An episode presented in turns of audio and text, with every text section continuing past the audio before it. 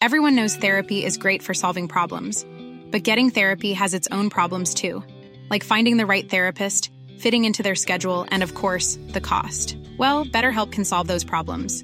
It's totally online and built around your schedule. It's surprisingly affordable too. Connect with a credentialed therapist by phone, video, or online chat, all from the comfort of your home. Visit betterhelp.com to learn more and save 10% on your first month. That's BetterHelp H E L P. Ryan Reynolds here from Mint Mobile. With the price of just about everything going up during inflation, we thought we'd bring our prices down. So to help us, we brought in a reverse auctioneer, which is apparently a thing.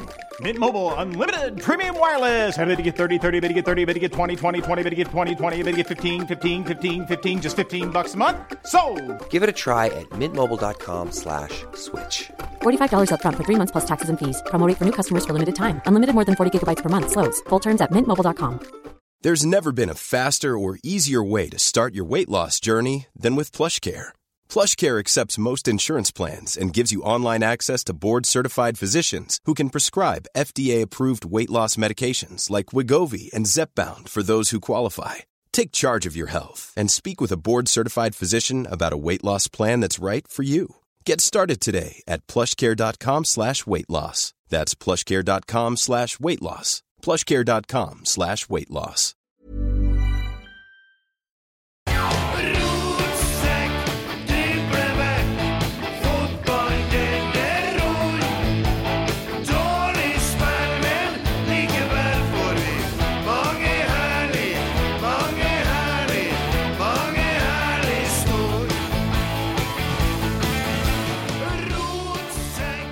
Ja, ja, ja. Ja, ja, ja. Velkommen til episode 211 Elleve. av eh, Rotsekk. Ja. Ja, I dag har vi med oss eh, den største legenden av alle, Gøran Sørloth. Hei. Takk for introen der, da. Det, det, er, det blir sånn todelt til meg, det vi skal snakke om når du sier det sånn òg. fordi at vi, det, når du sier legende, så er det jo umåtelig hyggelig å bli på en måte nevnt på, på, i en sånn sammenheng da, med Rosenborg. Eh, Det andre er jo når jeg hører melodien 'Rotsekk drible vekk'. Men vi har det artig lell. Altså vi skal, vi så, sånn, det, begge, det, det, det er litt, litt sånn substans i den derre per nu, i nå, nuet, da, hvis du tenker på hva han kan si. Dårlig spill, men likevel får vi mange herlige stund. Eh, Riktig. Ja. Tenk litt på det. ja, den passer jo litt fint Ja. på, faktisk. Skal vi lage herlig stund nå? Vi skal det. Ja. Absolutt. Vi skal ikke gjøre som TV2 gjorde med pappa Martin og begynne å spørre deg om kjærlighetslivet til sønnen din, f.eks. Det skal vi ikke Det har du lov til å spørre om, for det, det ser ut som det er særdeles bra. Ja. Der så du han reporteren for TV2. Ja, jeg han, så dere han skjemtes, altså. Jo, men det, de får jo ei bestilling og sånt fra desken, og så må de gjøre det beste de kan. Og de reporterne, stakkars reporterne. Men, men du Emil, før vi setter i gang. Du sa Ja. at i dag skal vi dele ut en premie. I dag skal vi dele ut en premie. Eh, Vi har vært så heldige. Eh, Vi har jo et samarbeid med Kompis. Ja, Og så er du det? Ja, har du spist der, Gøran? Eh, ja, jeg har spist kompisburger. Ja, den er den, den er god. Ja, den er farlig god. Uh, Altfor farlig Ja. god. Så da har vi rett og slett to bonger. Ja. En som har verdien til en burger, og en som har verdien til en pizza. Å ja. ja. Og da tenkte vi vi kan jo dele ut det her til beste spørsmål til en Gøran, f.eks. Og får Gjøran bestemme hvem som har det beste Får spørsmålet? Gøran avgjøre Kan hvem jeg som stille spørsmål, så jeg kan Ja, Nei, du må bare spørre Gjøran.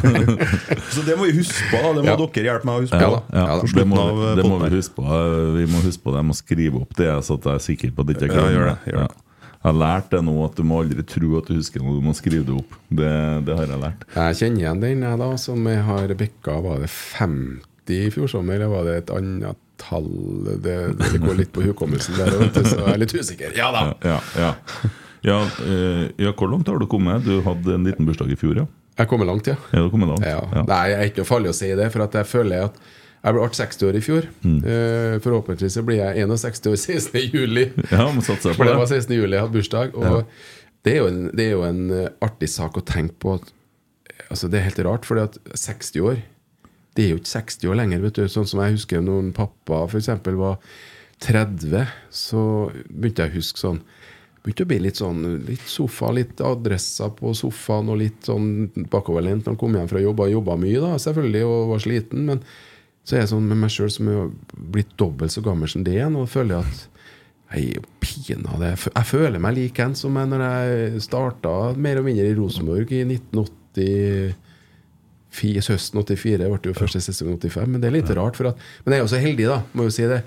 Når det er så heldig å få opplevd og, og, og få fortsatt være med i eh, fotballivet, da. For det er jo det. Jeg kjenner jo spillerne veldig godt. Jeg kjenner eh, administrasjonen veldig godt. Jeg kjenner dem som jobber ellers i Rosenborg veldig godt. Eh, styre og stell. Eh, så jeg har jo egentlig alle fotene i alle leirene, og det er jo egentlig både pluss og, og altså, Kjetil og Geir kjenner jeg jo, og Kjetil ut, altså, al, altså, har, Vi har jo holdt på sammen siden 89 og hadde kontakt med hverandre. Vi var i Borussia Mönchengladbach sammen. Og det er klart at eh, det gjør jo noe med deg i forhold til at du er oppdatert på 2023 og ikke tenker 1985 først da med Rosenborg, og så 1988 når Nils tok over. Da. Så Det er noen nyanser her som jeg regner med vi skal komme tilbake til. Men det er litt viktig å sette, sette tingene litt på plass i forhold til at verden forandrer seg. Eh, media har forandra seg helt utrolig. Omgivelsene forandrer seg i forhold til at det er så mye lettere med media? Å, gjøre ting og si ting. Uh, være på plussida og, og være på den andre sida.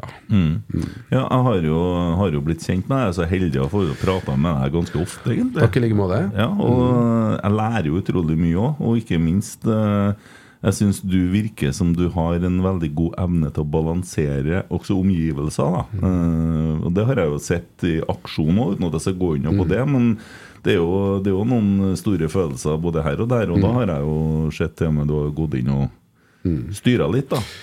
Ja, og det handler vel om at eh, det er ikke farlig å være uenig, og det er ikke farlig å på en måte eh, Hva skal jeg si eh, Sette krav, stille de rette kravene.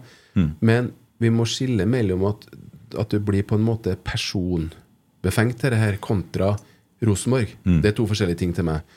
Uh, utøve yrket ditt ikke sant? som lag, utøve yrket ditt som, som medspiller i Rosenborg. Da må ikke vi, vi gå i en felle at vi begynner å bli for opptatt av enkeltspillere som virkelig føler at det er ikke så godt å være her. De blir ikke noe bedre av det. Så derfor, jeg, altså derfor så prøver jeg å være en sånn buffer i forhold til at tenker vi fordi man ta, fordi man André Hansen, da, som står i mål til oss, gjør en tabbe, så er en, vet en André Hansen rimelig godt at han har gjort det. Men det fortsatt er det vi. Det må gå over. Vi kan ikke bruke en André Hansen som en sånn eh, På en måte en sånn eh, sette, i, altså sette folk i gapestokk da, for lang tid, for at det kommer alltid noe nytt her. Så er spørsmålet når er vi skal slutte da å helle bensin på bålet i- på minussammenheng. Når, når skal vi, jo, vi må, vi må, vi må absorbere en, et tap og bli forbanna. Det er, skal jeg love deg undertegne det også. Men vi må ikke bruke det som, eh, som en sånn eh, Hva vi skal si En sånn fyr eller en ild hele uka. For det kommer da nye muligheter.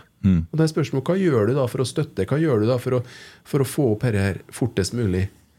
Er du bygd sånn at du bare har eh, sure oppstøt og eder og galle og alt det der, da? Eller er du bygd for at du skjønner mekanismen, at det er noen som kanskje trenger ekstra støtte òg?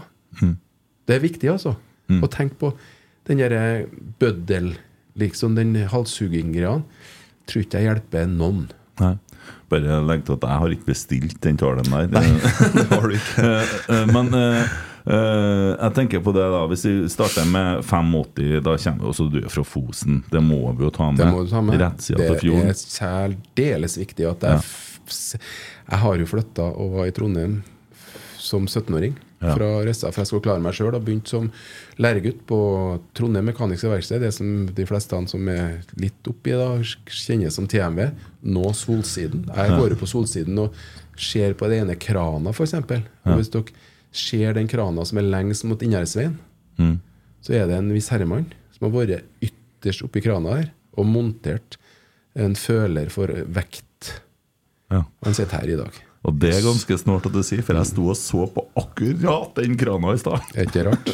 Er derfor så går jeg rundt på solsiden jeg, og, og kikker rundt Vet du hva jeg tenkte? Jeg lurer på om de kranene der noen gang har vært i bruk, eller om de er satt opp bare sånn etterpå for å minnes. Staffasje? Nei da, det er, det er ordentlig stoff, det der, altså. Ja, Men de er jo i bruk fortsatt. Men nå er det jo fulle 19-åringer som klatrer opp og hopper. det er jo det de brukes til i dag. Ja, og de bruker dem ikke til å heise opp 19-åringene etterpå. Nei, det har ikke jeg sett. da, Jeg ville ikke ha eh, stupt akkurat der, kanskje, for der er det Da blir du heisa opp etterpå. Jeg har en eh, Trenger ikke å gå inn på navn. Nei, nei, nei. En i eh, min familie, faktisk. Ikke brorsan. nei. Som stupte uti der, ja. Ja. Men Han kløyva skallen fra her. Oss, så, ja. det gikk bra med han, heldigvis. Ja, For det er jo bare 10 cm dypt. Ja. Ja. Det tror kanskje til dypere, da, vet du, når du har hatt det kanskje litt innabords. Ja, og så Det det ble ikke det filma, dette her, da. Så, og på den filmen så ser du at han han krasjer nesten i det skiltet der det står hvor dypt det er, på vei ut til å stupe. Ja, ja. Han- Men det er fosning, det er ikke fosning, det? Han er halvt fosning, ja. Enig, ja, det ser du. For at jeg husker når du ser så, så ta det med samme når jeg kommer på ting. På Lerkendal, ene kampen, jeg mener det var 16. mai-kamp, for det var tjåka stappa fullt. Da var det sånn at vi ikke fikk begynne på andreomgangen fordi at det var en oppi ene lyskasteren. Ja, det kan godt Og så ble det jo Skal ikke jeg si noe, eller eh, Nei, ble det, stopp, ble det stoppa, da, vet du, og så var det jo prøvd å få ned. Men det er jo ikke bare å rive ned en mann som er øverst oppi. Du vet at det er ganske høyt oppi der. Ja, det er høyt. Men jeg kom jo ned etter hvert, da skjønte jo alvoret. Ja. Og så går det jo tida, og jeg vet, jeg har ikke peiling. Jeg var ikke interessert i å vite hvem det var, men jeg fikk jo høre det eh, i løpet av ja, noen år. Han var jo fra Ressa, selvfølgelig. Og det er jo helt fantastisk, vet du. Så sånn det er det nå. ja, det er Fosen, vet du. Eh, ja, 85 så spiller du på Rosenborg, og det gikk jo ganske greit, det. Ja, jeg, had, jeg hadde jo med meg en ballast eh, fra Altså Jeg var jo i Rosenborg første gangen i 79, faktisk. Eh, Nils Erneggen som trener eh, fant meg litt for lett da. Eh, skulle få en sånn hospitantsak mellom U, for det var U-lag og A-lag. Skulle jeg få være med der. Jeg var 17 år. Det var ikke godt nok til meg. Uh, følte at eh, jeg burde ha vært på A-laget. Selvfølgelig hadde jeg den tanken, for jeg kom rett fra juniorlandslaget og gjorde det bra der. Rett eller galt, Nils var trener, og dere har jeg brukt mot den mange ganger. Og spesielt når vi er samla alle sammen i klubbhuset, altså masse folk, for det er da litt artig for reaksjoner. vet du For jeg og Nils var jo litt sånn at vi ønska å holde temperaturen høy. At ilden brant, som jeg kaller det. da Og så sa jeg jo det til en mange ganger at eh, dæven, Nils, tenk deg hvis du har fått tak i meg i 79 når eh, det butta litt imot, og du har trengt en spiss og sånn, så kikker han på meg vet du, med masse folk til stede. Det var ikke jeg ville ha, det var bror din. Så det var greit, Arne. Så jeg har blitt arrestert mange ganger på den. da Så det er litt artig. Ja. Men eh, 85 gikk bra. Ja, eh, men jeg, ta, ta litt sånn sprang, da. Jeg, Ja. jeg var så heldig at jeg fikk eh, Strindheim først. Ja. For at det var en sånn fin måte å komme i gang på i forhold til hvor langt kan jeg nå, hvor langt kan jeg strekke det. Um, og Strindheim i tredjevisjon to sesonger. Det vil si dagens andrevisjon. Vi må huske på at det var litt annerledes. Det var førstevisjon av øverste da. Så var det tredjevisjon to sesonger, andrevisjon en sesong, og rett opp i øverste divisjon med Strindheim. Så vi lå jo faktisk nummer fem etter vårsesongen, og Rosenborg nummer sju. Ja. Og så trodde vi vi kunne spille fotball uten å ta i på høsten, og dessverre så røkka vi ned. Og da var det sånn at unge lovende Sørloth den gangen, da Nå er jeg jo bare lovende. Eh, ja, ikke sant? Eh, jeg sa det på et intervju at jeg kunne tenke meg å fortsette i øverste divisjon, eh, helst med et lag i Trondheim. det er vanskelig, altså. Snevrer det inn ja, ganske var, bra, da. Ja, det var mange som spekulerte hvordan lag det kunne være. da Mm. Men du spilte på Lerkendal med Strindheim? Ja da, vi spilte jo mot hverandre i de, den eh, sesongen, hjemme borte, Ja. mm. på Lerkendal. ja. Men Strindheim spilte ikke på Lerkendal? Jo, jo. Ja, gjorde det, ja, for det hjemme, det hjemme borte. ja. Hjemme borte. Ja, Så du hadde det som hjemmebane da òg? Ja, det. Ja. Herlig. Så litt annerledes ut den gangen. Ja, det var jo da vi, vi hvis, vi hvis vi tar noen sånne minner, så hadde vi jo På nåde fikk vi jo låne Lerkendal da når vi var på trening, for vi hadde jo litt forskjellige fasiliteter på trening. Vi var jo rundt omkring og trente. Og da var det jo sånn at uh, tirsdager var jo tirsdagstrening på Lerkendal. Det var jeg med på sjøl. Jeg, jeg, var, jeg var jo friidrettsutøver. Jeg drev jo med håndball, fotball, friidrett og svømming. Litt taekwondo. Så, så det var rimelig allsidig. da og, og jeg var jo på tirsdagsstevne på Lerkendal som friidrettsutøver.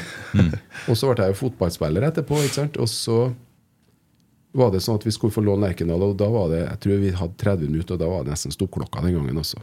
30 minutter var 30 minutter. Det var ikke 31, for da fikk du ikke låne banen noe mer. Nei, jo?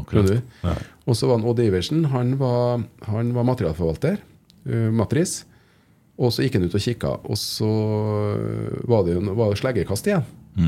Så sier han som hadde ansvaret for tirsdagsstevnet at nei, det er ingen som får komme ut på her, for det er sleggekast. Og han Odd kikker, vet du, og da hører jeg at han sier høyt. Er så bra, vet du, replikk, da. Ja, men kjære vene, da. Nå er det tre stykker her som har kasta slegger, og de har kasta til sammen 30 meter. Det er jo ikke noe farlig å bruke andre halvdel. det er så bra svart! Det er så bra svart! Oi, oi, oi. Men vi kom ikke inn da, for det var ferdig. Og det var gro da snakker vi da, Folkens, da snakker vi groper på fotballbanen vår rett utfor 16-meteren, altså. På grunn av sleggekast. Det er ganske surrealistisk. slegga- Ja, det er ganske artig å tenke på, altså. Ja, det det. Ja. Inn- Han Anders hadde ikke godtatt. Nei, men Vi kunne kanskje ha gjort det der på Skoglund til Kan ikke du ta med så, slegge til helga, du? også? vi får, ja, for de får trena på banen de Ja. skal til, for den er visst i elendig forfatning. Ja. Det er vel siste kampen, ikke? Før kunstgress? Det er det. Ja. Mm. Jeg skulle ønske de innførte en sånn regel at de som er kunstgress, må ha blått gress, eller noe sånt, så det blir litt sånn flaut.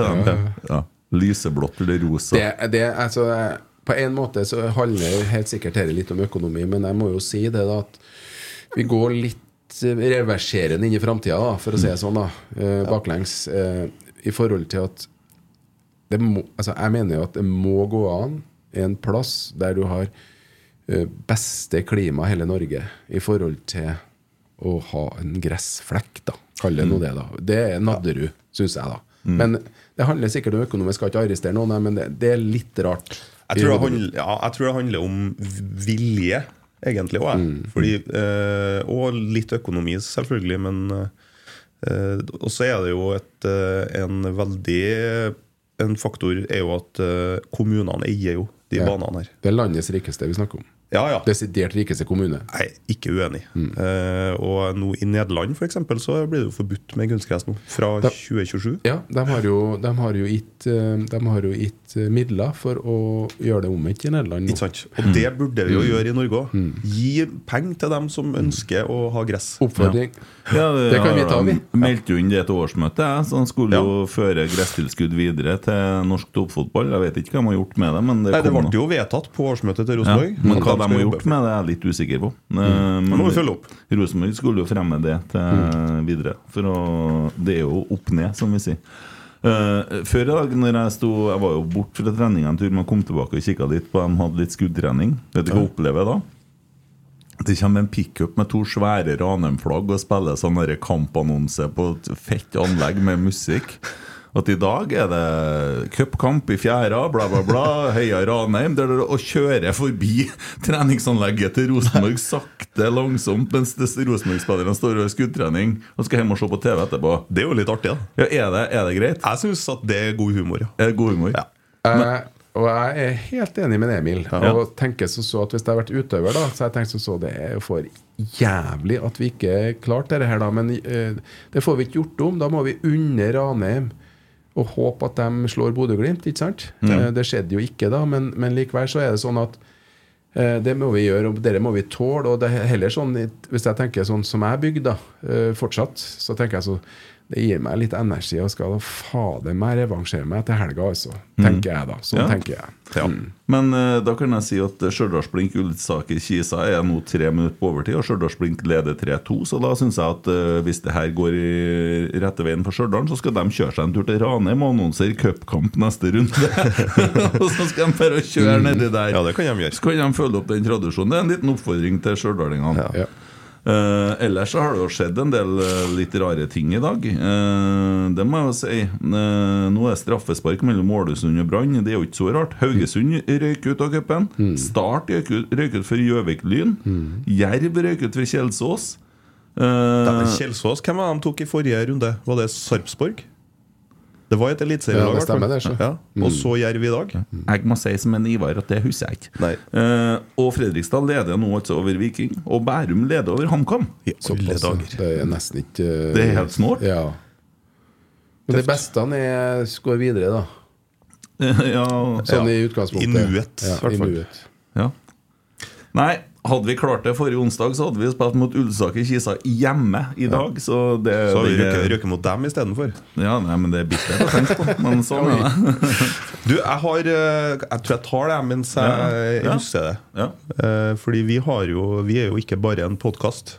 Vi er jo også et, eh, en form for idrettslag. Ja. Rotsekk. Vi har jo en Kristian Vibe Avtjern som får å springe under eh, idrettslaget Rotsekk. Og Yes. han går på langrennsløp eh, under idrettslaget Rotsekk. For han meldte, meldte seg på med idrettslaget Rotsekk. Så ja, ja. Ja.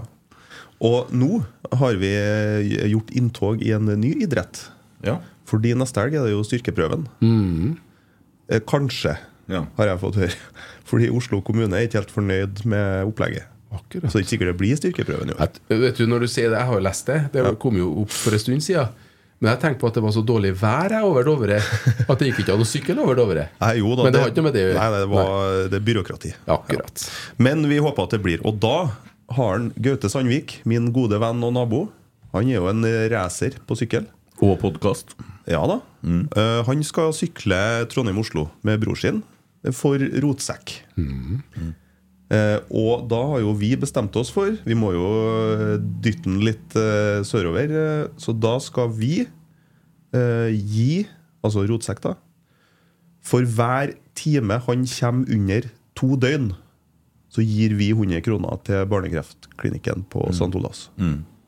Så jo fortere han Gaute sykler, jo mer penger tilfaller barnekreftklinikken på St. Olavs. Ja. Fantastisk. Fantastisk. Det, sånt Veldig må vi være med på. Ja. Eh, Da, eh, og det, det blir jo spennende å følge, håper det blir løp, da. Ja, altså da går det jo an Jeg tror det går an å gå inn på nettet og så tracke rytterne sørover for å se hvor de er igjen, og hvordan det går. Og det skal, Der skal vi følge opp litt, da. Så Ja. bare følg med på sosiale medier. Enkel sak med GPS, vet du.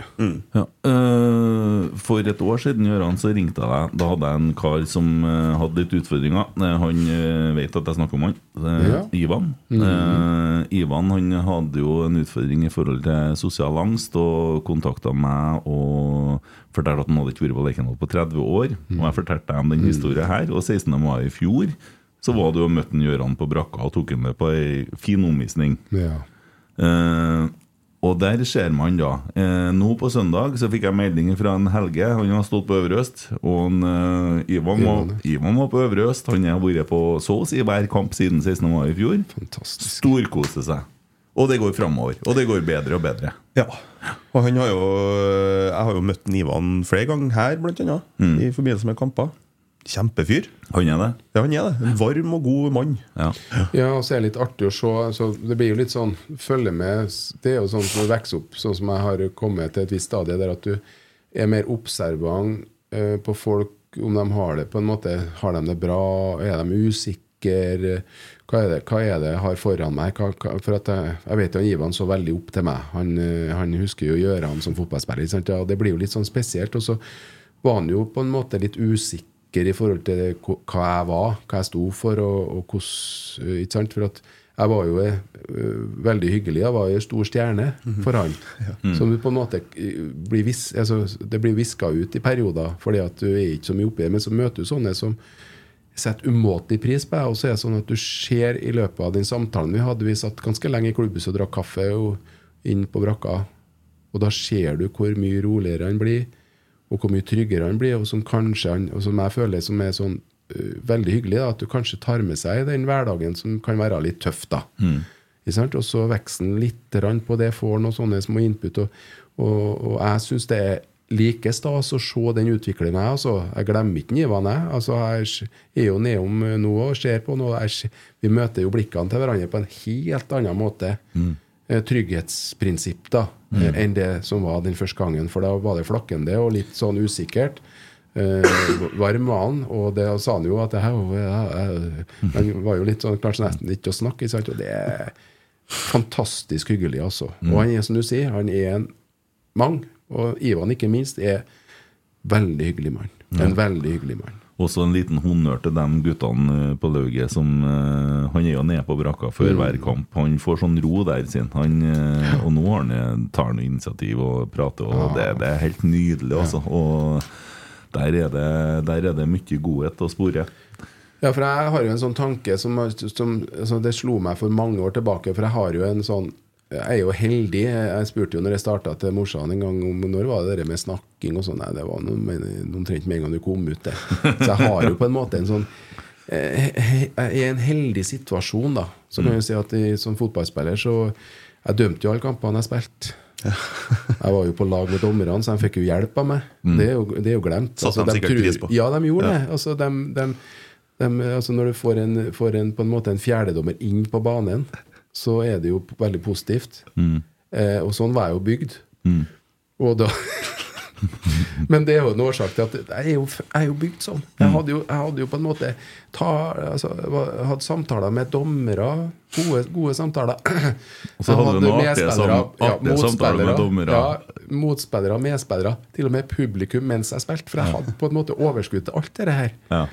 Nils Arne Eggen hadde overskudd til. Ja. Han hadde overskudd til å ta igjen. Ikke minst, eller omvendt. Men han dommeren som uh, du var og klaga litt på ganske lenge i løpet av en kamp Jeg husker ikke han kom fra Vann fra Bærum, tror jeg. Nei, og du tenker på riktig gamle dager nå, når Ja, jeg ja, var ikke helt fornøyd, men vi hadde vel spilt en kvarter Det er jo en magisk historie. Vet du. Spilt et kvarter, heter Per Arne Larsgaard, Ja. fra Sandefjord. Per Arne han var en av de aller, aller beste, og en veldig koselig, god kar, altså. God til å dømme, han, men han var litt sånn på hell da eh, når, når han dømte den kampen på Lerkendal, og jeg syns han var litt eh, langt unna situasjonen.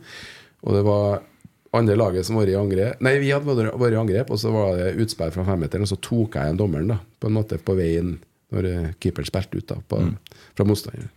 Så klarte ikke jeg å holde meg. Så sier jeg at Lars Gaard, nå syns jeg du har dømt dårlig en stund, altså. Så snur han seg og kikker på meg og sier jeg syns du har åpnet et veldig svakt sa. Da er du liksom litt sjakkmatt. Det er bra comeback. det er bra. Så det er noe sånne artige episoder. Så nei, eh, dere med, dere med som er årsaken til at jeg sa dere med talefør, eller kall det eh, bry, altså, Det handler om å bry seg. Og det handler om å bry seg i forhold til at jeg ser jo det når jeg er så heldig å få lov til å ferde rundt og holde litt foredrag og sånn til lag og foreninger, og både de som er ung og halvung, som jeg kaller det. Og, og um, det er jo altså Det som jeg merker, da, det er at eh, du må gi litt tilbake. Altså føle litt at du må gi litt tilbake, for du har fått så mye støtte. Jeg har jo, som jeg sier, jeg har jo levd på rosa sky. Jeg har vært så heldig. Ikke problem så mye med, med, med fysikk, eh, kropp. Har ikke noe mye skader. Har slitt litt med hodet av og til, med hodepine. Men det er sånn, i den store sammenhengen så er det til å, å takle og på en måte si det at jo, men det er, vest, det er flest goddager. Og da tenker jeg sånn. Jeg blir så tenker sånn. Når du møter folk at jo, du må prøve å gjøre det til en god dag. Og det handler jo om å ha ikke noe å se om du, hvem du treffer. Altså, du, gi noe, de, de syns det er stas å treffe deg. Ja, gi noe tilbake. tilbake. Vær deg sjøl, gi noe tilbake. Ikke bare si 'gå forbi'. Og den, den der har jeg, tror jeg har Altså Det er uavhengig av suksess og ikke suksess, for at jeg har det sånn i ryggmargen. Eh, og at jeg tenker på altså, Drillos-filmen kom jo, og så tenker jeg så at Du blir sånn reflektert når du blir litt, får, det, får det på avstand. Så tenker jeg, hva var årsaken til at du ble så inni H god? Prikk, prikk, H, prikk, prikk, prikk, god. Det er jo støtte. Du gikk rundt i Oslo-byen, du gikk rundt i, i Trondheim, eh, heimplassen, ikke sant? og alle som så deg, syntes at For det første var stas å treffe deg, så sa de til og med at du var jævla god hele tida. Hvor god blir du da? Dæven, det må være artig. Ja, men ikke sant? Hvor god blir Ja, blir du da god. når du får så mye feedback Ja. på det du holder på med? Da blir du god, altså. Og det er smittsomt. Og da tenker jeg sånn det jo, Folket var jo en av årsakene til at vi lyktes sånn den gangen. For det gikk jo som hånd i hanske. Rosenborg, 88, Drillos, eh, som kom i høsten 89, altså eh, Nei, og høsten 90. Tok over landslaget. ikke sant? Og det, det var litt sånn hånd i hanske. Mm. Den perioden 88 mot si, VM i 94, når, når vi var ferdig med Rune Bratseth og så ta noen navn da, som var med, og helt sikkert oppleve akkurat samme. Folket var så positivt. Det, det er av, det, og det er litt av utgangspunktet for at jeg fortsatt i Rosenborg òg. Prøve å tenke på det at jo, desto mer vi støtter støtt på rett måten, eh, snakk på rett måten, men ikke glem å være eh, på en måte litt sånn eh, på hugget og når, så forklar hvorfor at det butter imot. Det er ikke noe farlig, men ikke misbruk sånn at du skal absolutt ut i sosiale medier for å slenge ut et navn som har bomma på en straffespark, som er udugelig, ubrukelig, kan ingenting, eller en trener som er totalt hjelpeløs, som har 75 landskamper, som har uh, spilt uh, vært med i to VM-er i fotball, uh, som var med og tok HamKam opp i, i, i, i Eliteserien igjen, eh, sammen med Geir Frigård, sammen med Roar Strand. Ubrukelig, udugelig. Det er ikke sånn det fungerer. Vi må tenke oss litt om før at vi Altså, den mekanismen er sånn at ja, bare spytt det ut og si at helvete, gutta, nå er det dårlig her, altså. Og så må du gjerne si at skal ikke, vi, skal ikke dere begynne å spille mer sånn? Det er lov til å si det. Men herre, altså, ikke bli en føljetong på minussida. Så når du er ferdig med den der, da For at det er lov til å stille kravene. Det er ikke jeg sier, du må få lov til å få det ut. Men det må ikke brukes som sånn at folk er ubrukelig, udugelig, må komme seg hjem, må sendes hjem. Det er helt håpløst. Det er ikke bare, det bare utøverne som på en måte eh, blir lidende. Må tenke på at de har familie. En del av disse har familie, til og med unger som er vokst opp. Venner som eh, er engasjert i dette her. Hva tenker de, hva tror de, hva, hva er det som skjer her? ikke sant? Blir du bedre av det? Nei, du blir dårligere og dårligere og dårligere. Det er derfor jeg sier at vi har jo snakket, vi har sikkert ikke kommet dit, men vi kan jo komme dit nå. Ja, ja, I forhold til Kjernen, som jeg har et fantastisk stort hjerte for. Jeg syns at Kjernen er helt fantastisk i den jobben de gjør på Lerk- Lerkendal i forhold til stemning, for de er helt unik flinke. Men det må ikke bli sånn at det er tillatt med å, å være bøddel. Mm. At, at, du, at du halshugger folk.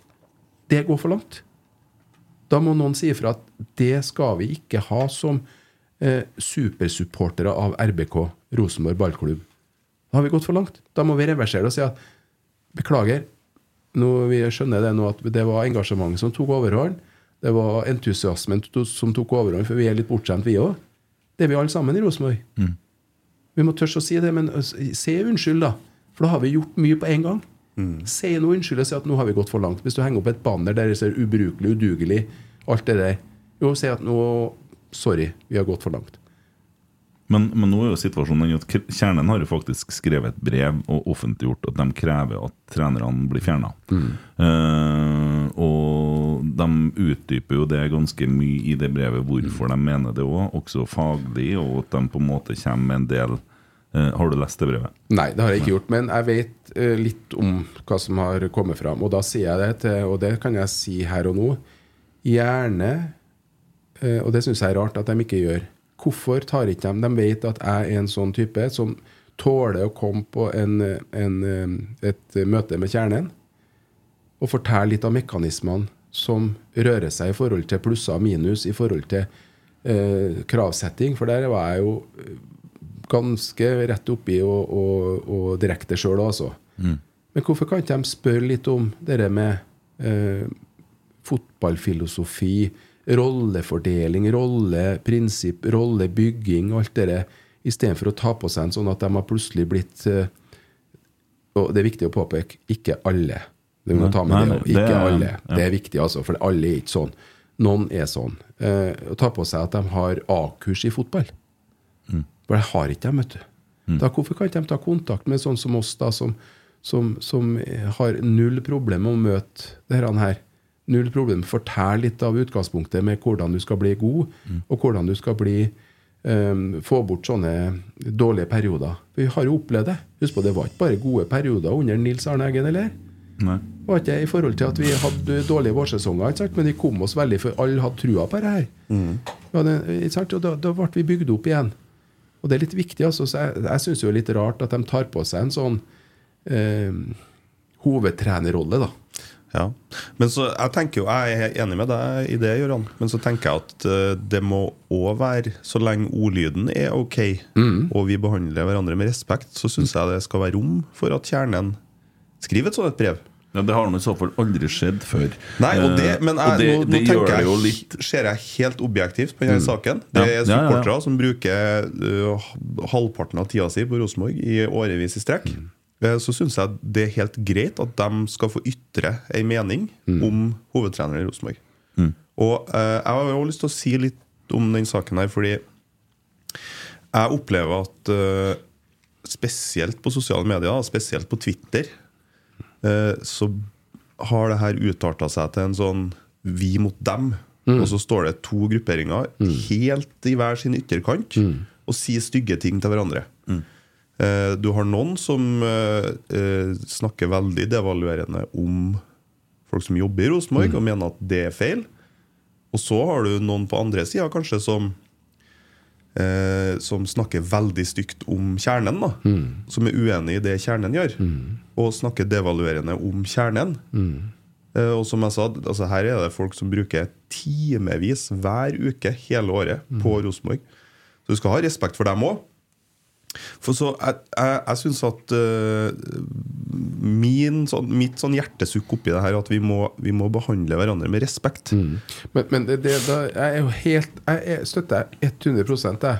Men, da, men det som er til meg, da, det er at hvorfor, hvorfor kan ikke innhente altså forståelse for hverandre? da Forståelse hvordan de tenker. Forståelse hvordan eh, Hvis du tar to motparter, da hvis du sier det da sånn i forhold til nuet da med, med lite suksess da i perioder. Da mener jeg sånn Hvordan skal vi møte hverandre, da? Jo, da må vi møte hverandre. Men ikke på sosiale medier. Nei, nei, absolutt Ikke. Det er derfor jeg sier at det så, det, det, vi, er da altfor nærme Poenget mitt da, det er at vi er jo altfor nærme hverandre og altfor glad i Rosenborg alle sammen til at vi står, sitter på liksom hver sin sånn eh, festning eller hver sin hest med, med ridderutstyr og skal bruke lansen og ta livet av hverandre. Ja, det, er jo ikke, det er jo ikke noe mening med det. Vi må da, vi må da, vi må da tørs å komme sammen og, og så stille Jeg er helt enig med Tørs å stille de kravene som kjernen òg eh, har iboende. Og andre veien, ikke sant, å mm. fortelle årsaker og virkning og alt det der. Ja, men, men, men ikke bruk eh, tegnebrettet eller, eh, eller tastaturet til å få ytra meninger, for da kan det misforstås, og det er mye lettere å, å, å finne tak i for mange sånne styggord. vet du, For det teller ikke så mye da når du sitter på det nettbrettet. sant, ja? Det, Men- det, det er ja. mange som misforstår. Altså, for det, du må Det du skriver på Twitter, det skal du kunne stå og si til den du skriver om. Riktig. Én meter unna. Mm. Det er ganske interessant, for at jeg forelest en del eh, back in the days om eh, sinnemestring. Det er sant. Eh, og hadde noen eksempel på det, så skal ikke jeg utbrodere det her så mye nå. eh, men det, det er en forskjell på seende raseri og blindt raseri. Og blindt raseri starter kriger, seende raseri starter samtaler. Eh, og, og, og seende raseri handler om å gå til kilden inni deg. Altså, du er skuffa, eller du er såra. Eller du altså, og, det er og det er jo mye vanskeligere å kjenne på de følelsene, sant? for man er jo skuffa. Man er jævlig skuffa. Man er så skuffa når man taper at man blir sint. ikke sant? Men så går man over til det at det blir bare sinne, og så begynner man å klandre. Og så skal man da Og det Helt ærlig, vi har kanskje holdt på med det ganske lenge nå i Rosenborg, med, med den klandrestafetten. Ja, for vi har, vært, eh, vi har jo vært misfornøyd på mange måter misfornøyd fra 2000, høsten 2010 til en Kåre kom, på mange måter. Kåre kom i når husker du når det var? 2014, høsten. 20, ja, høsten 2014. Da var vi misfornøyd, misfornøyd i ca. fire år. Og så var han Kåre med oss, og, og vi på en måte bygde opp litt av den saken som vi snakker om, med entusiasmen, varme entusiasmen og, og positiviteten og humøret og sånn. Og så, og så gikk det jo det som det gikk, rett eller galt, det kan jo det er en helt annen diskusjon, men Kåre og, og Erik ble ikke med oss noe lenger da. Eh, og siden den gangen så har jeg har liksom sånn eh, tanke om at jo, vi har gått og vært misfornøyd etterpå igjen. Jo, men så tenker jeg sånn sånn at ja eh, Skjønner jo det i, i, i, rett etterpå, i nuet òg, og rett etterpå at jo, det har vi lov til å være. Fordi at vi, vi, det er våre egne som på en måte ikke er lenger. Og da er det lov til å, som en Emil er inne på, det er lov til å si ifra, men si ifra på rett måten. Det er lov til å få være forbanna. Men det hjelper jo ikke dem som kommer. Vi må jo ha noen. Altså, vi må ha noen nye.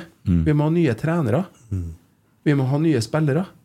Og det hjelper jo ikke dem hvis vi går og snakker om en, eh, som, om en Kåre og om en Nils Arne. Altså, vi må tenke litt hva vi sier og hva vi gjør med det. Fordi at, ja, men de må jo, altså, hvis de, først de, Jeg har sagt det bestandig. Jeg er jo ikke enig i en eh, bestandig med en Mikke Dorsin. Eller noen dem som har hatt ansvaret for dette i forhold til innkjøp og sånn. For jeg har jo, eh, har jo mine egne meninger. Men noen må jo ta ned avgjørelser. Noen er satt til å ta ned avgjørelser. Og den diskusjonen har vi jo.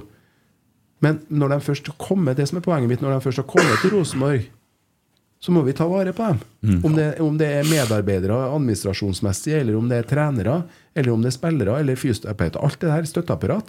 Så må vi jo ta vare på dem, for det er jo oppgaven vår. Ja. Si litt om det da, tilbake til fra 88 og utover eh, i forhold til hvordan man tok vare på Mm. hverandre den gangen. Ja, da er, da er det litt sånn sammensatt. For i begynnelsen så eh, var det eh, sånn at eh, Nils kom jo med en fantastisk, og det hadde han jo med seg hele veien, eh, eh, entusiasmen sin, som var smittsom. På godt og vondt, egentlig, men mest, selvfølgelig mest på godt. Men altså, du følte at hele klubben var med på prosess. Hele klubben var på en måte Det var ikke, det var ikke bare sportslig som vi var involvert i. Da. Det var kjøkkenet, det var de som jobba. Og det var jo færre folk òg, vet du. Eh, de som jobba på Lerkendal, og, og, og støtteapparat og sånn. Vi, vi trakk altså så utrolig godt sammen. Eh, nå er det jo større, mye større dette her apparatet sant, ja, i sammenhenger, men den grunnpilaren, eller den grunnmuren, må vi få tilbake. Som gjør at alle blir trygge, og alle tenker sånn at hvordan jeg, jeg, altså, For å si litt sånn flåsatt, da. Eh, For min egen del så føler jeg meg fortsatt som en vinner. Ikke sant? I egenskap av sånn som jeg er. Og det er jo det vi har bruk for i forhold til positivitet, i forhold til hvordan vi tenker. Og så er det i mitt hode altså, sånn når jeg føler meg så trygg, da, for at jeg er jo det, i, i forhold til Rosenborg-historien og Rosenborg når jeg er der, og jeg har jo et virke i Rosenborg fortsatt, da er jobben min å være smittsom på å gi andre muligheten til å bli så trygg. Sant? Og da må vi være med å bygge. Vi må ikke ta som en selvfølge at de skal klare det som ikke har de samme røttene. De må jo få mulighet til å få de samme røttene. Jeg, jeg begynte jo i 85 og var med på, en, en, på en måte et eventyr det første året fordi vi var både kall det god og heldige, som slo Lillestrøm den kampen som var avgjørende, og vi ble seriemester første året. Men så sovna vi litt i 86-87. Litt sånn. Eh, Og så kom en Nils og kom med entusiasme igjen som, som, som jeg var så heldig å få være med på, i forhold til at han sa jo det til meg, og jeg kjente jo Nils litt fra før òg, gjennom OL-landslaget og sånn, så sier han at nå har du Gøran gått den veien der ganske lenge, du må være med og hjelpe meg. Og du verdens min hvor lyst jeg har til å begynne å trene og spille fotball under Nils Arne Eggen. Jo, men skjønner jo me mekanismen i forhold til hvordan du tenker, hvordan du gjør dette, hvordan du får med folket. Drillo, bare for å ta det som jeg, når jeg snakker om hånd og hanske, var akkurat likedan i forhold til tanken sin og, og forklaringa hvorfor han ville ha meg med, for at han har bruk for meg. Men selvfølgelig på en litt annen måte. Ikke så mye gestikulering, ikke så mye sånn eh, fakta, da, som Nils sa. Så, så, sånn sett var de for, forskjellige, men det var veldig mye likt. Og det skapte en suksess som var helt unikt. Fordi at det går på trygghetsprinsippet. Vi følte oss så trygge i utgangspunktet og ble bare tryggere og tryggere. Og tryggere. Og det er der vi må tenke i forhold til hvor langt skal vi strekke det over tid og være negativ. Jo, selvfølgelig, når du taper en fotballkamp mot eh, hvem som helst, egentlig, så er det lov til å bli forbanna og si fra. Men du må ikke bruke det som et, på en måte et våpen for å, for å, for å få posisjon, eller for å, at du skal bli sterk. Som, uh, verken som eh, medarbeider eller å si at jo, jo, men vi gjør jo en bra jobb, vi, men denne gjengen her kan jo men, Ja, men du må støtte dem. Du må være støttende og finne ut hva kan jeg si, hva kan jeg gjøre for at, å løfte dette her. Det er oppgaven min. Og det er oppgaven til alle egentlig som er involvert i Rosenborg og, og, og følger med Rosenborg. Ikke, ikke være, gå rundt og, og være sur og grine at vi har ikke tida til det. Det er lov til å være en time. Og så må vi snu det. Ellers så kommer vi ingen vei. Og det jeg føler at det er litt sånn samfunnet at vi, vi har så lyst til å Jeg bruker å si det at når jeg er først inne på det, så sier jeg at det limer seg oftere fast, de minusene i hodet. Og, tar gjerne, og folk tar gjerne fram de minusene eh, ofte enn plussene. Jo, vi må prøve å få limt inn de plussene i hodet, som kommer fram oftere. Minusene klarer vi, ja. Vi klarer dem òg. Og skal brukes rett. Men vi må lime fast de positive tingene òg. Så ikke vi glemmer av at jo, han bomma på straffespark. Ja, men du verden hvor mye annet godt det var. Altså Hvis du tenker sånn, så kommer du over det straffesparkbommen mye fortere. I stedet for å si at han er ubrukelig, udugelig for at han eh, ikke redda et skudd som Andre Hansen. Kan du fortsatt gjøre da. At du slenger galt i veien, til og med. Ja.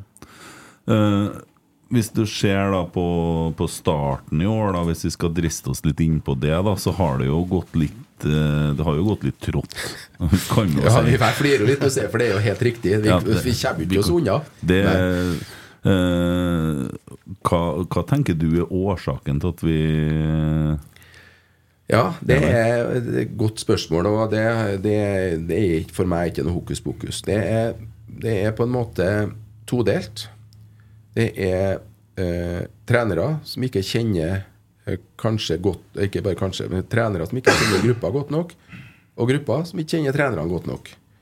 Eh, som gjør at de rollene eh, eh, Altså relasjonsbiten, da.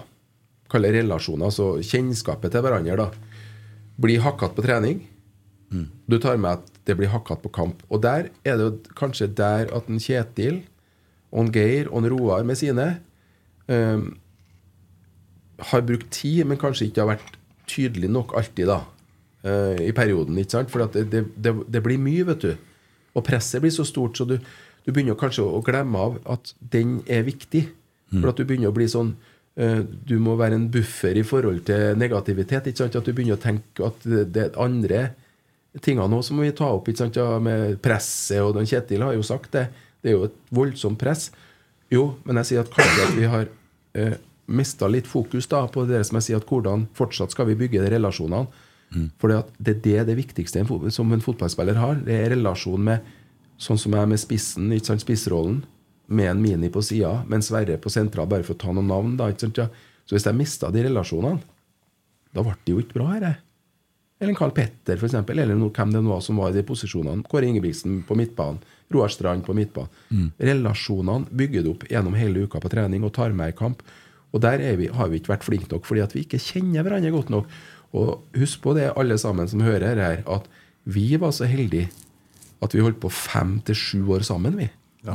Det er jo ingen som gjør det lenger. Nei! Må huske på det, altså. Med stort sett bare norsktalende. Eh, noen snakka rart. To fra Bodø.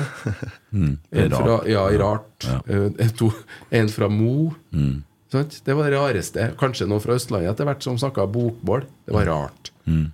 Men jeg fikk jo, de begynte jo å snakke trøndersk med en gang, nesten. De hadde ikke noe valg. Ikke sant? Det, så enkelt var det når vi holdt på. Mm. I fem til sjuårsperiode. Mm. den altså Hvis du ser på lagbilder sånn ifra altså Forklaring her, ikke bortforklaring. Det er viktig å på, påpeke at vi skal stille krav, altså. Men forklaringene er ikke noe tvil om når du ser på lagbildene i forhold til den Champions League det Champions League-eventyret. da Hvis du ser på eh, lagbildene som henger på Lerkendal, så skjønner du hva jeg sier. Det går igjen.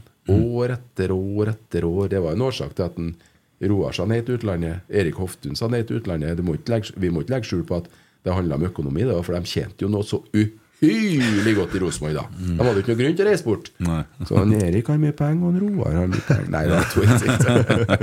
Ja, du har hørt den historien. Ja, ja. Erik Napoli og ja, ja. ny kontrakt. Ja, ja, ja. Ja, men det, det er så, greit så det er litt sånn forklaring i forhold til at Vi må ikke glemme at de har ikke, får ikke samme tida. Det er ikke så enkelt, altså, men vi må ikke Derfor jeg sier at vi, det, er en forklaring på at vi må være ekstra nøye med å skape og, og, og, og på en måte eh, forstå de, at den relasjonsbiten må være enda tydeligere på. Fortest Men- ja, da- Men da sier jeg det. Nå sier jeg at en Kjetil og en Geir og en Roar må, må være enda mer spiss på det. For det, det er ikke noe problem å si for meg. Nei, nei. Hvis jeg sier noe galt her nå, vet du, så er det sånn at jeg kommer på Lerkendal, så kikker en Kjetil godt i øynene mine, og så sier han det at Nesten sånn som Nils Arne sa til meg Har du sagt noe lurt i dag? Så det, det er ikke noe problem. Nei. Det tåler vi. Men det som er viktig her, da, det er at vi må ikke glemme, og det syns jeg er litt rart, da, og det er en forståelse, og den kan jeg forklare litt, i forhold til at et lag handler om at til enhver tid de spillerne som er førsteelveren, kjenner hverandre. Og de må ta det ansvaret som, som er der, da, med det kjennskapet.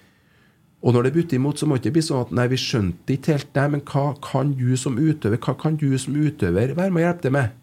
Og ikke tenk sånn så, Nå sier jeg ikke at det er sånn til alle, men, men det er nok litt sånn at vi må være nøye på det òg. At utøveren må òg tenke sånn så at jeg må ta i det lille ekstra nå, for at det butter litt imot. Ikke annet enn at hvem er det som kan hjelpe meg med å komme over denne krisa her? Jo, det er jeg som kan hjelpe, hjelpe til med å komme over krisa her. Altså Vi må ha flere, som jeg bruker å si, vi må ha flere som sitter i førersetet, som styrer dette her, og ikke som sitter på. Vi, må ha, vi må ha kapteiner, vi må ha sjefer på hver sin plass ute på banen. De, de, må være med, de må være med å kjøre lasset, altså. Ikke sitte på lasset. Det er, så, det er et godt bilde på det, syns jeg, i forhold til at Og da må vi bygge dem opp. Jeg traff jo eh, Nelson, Jaden Nelson, her nå, fra Canada. Og så gikk jeg bort til en, så sier jeg gratulerer, på engelsk, da. Eh, og så kikker han på meg og var så glad. Jeg har ikke sett deg være bortreist. Jeg har vært en tur og besøkt Alexander, så jeg har ikke vært så mye siste Vært og skåra litt mot Barcelona. Ja, jeg har vært og sett deg, vet du. Jeg var heldig. Jeg er jo bortskjemt der òg, vet du. Men han blir jo så glad. Jeg ser jo hvor ydmyk og fin han er. sant? Ja, han, han, jeg tok rundt den på en måte, og jeg kjenner jo ikke fyren, men han vet jo hvem jeg er. Og da føler jeg sånn at da har du gjort en, en forskjell. Jo, du er jo glad i ham for det med at han ikke har lyktes hele tida. Så, så må du jo sette pris på Han er jo i Rosenborg, du må jo prøve å sette litt pris på han. Han har jo kommet langveisfarende. Gutten er ung. Han, han vet jo kanskje hva dette eh, altså, kan, kan ha kommet til hvilket vepsebol han har kommet til. Jeg håper ikke han forstår alt om det heller, da. Men, Uff, nei. nei, men, men, men så, sånn skjønner du poenget mitt at vi må, vi, må, vi må gjøre det sånn at vi må stille de kravene og, og snakke om dem. Men vi må ikke være for utålmodige. Vi må ikke, vi må ikke rushe så gærent at folk blir vettaskremt, altså. Og det er en sånn hint til dem som på en måte uh, er våre nærmeste, som jeg kaller det, som, som er helt fantastisk i medgang, men så må du De fleste er fantastiske i motgangen òg, altså.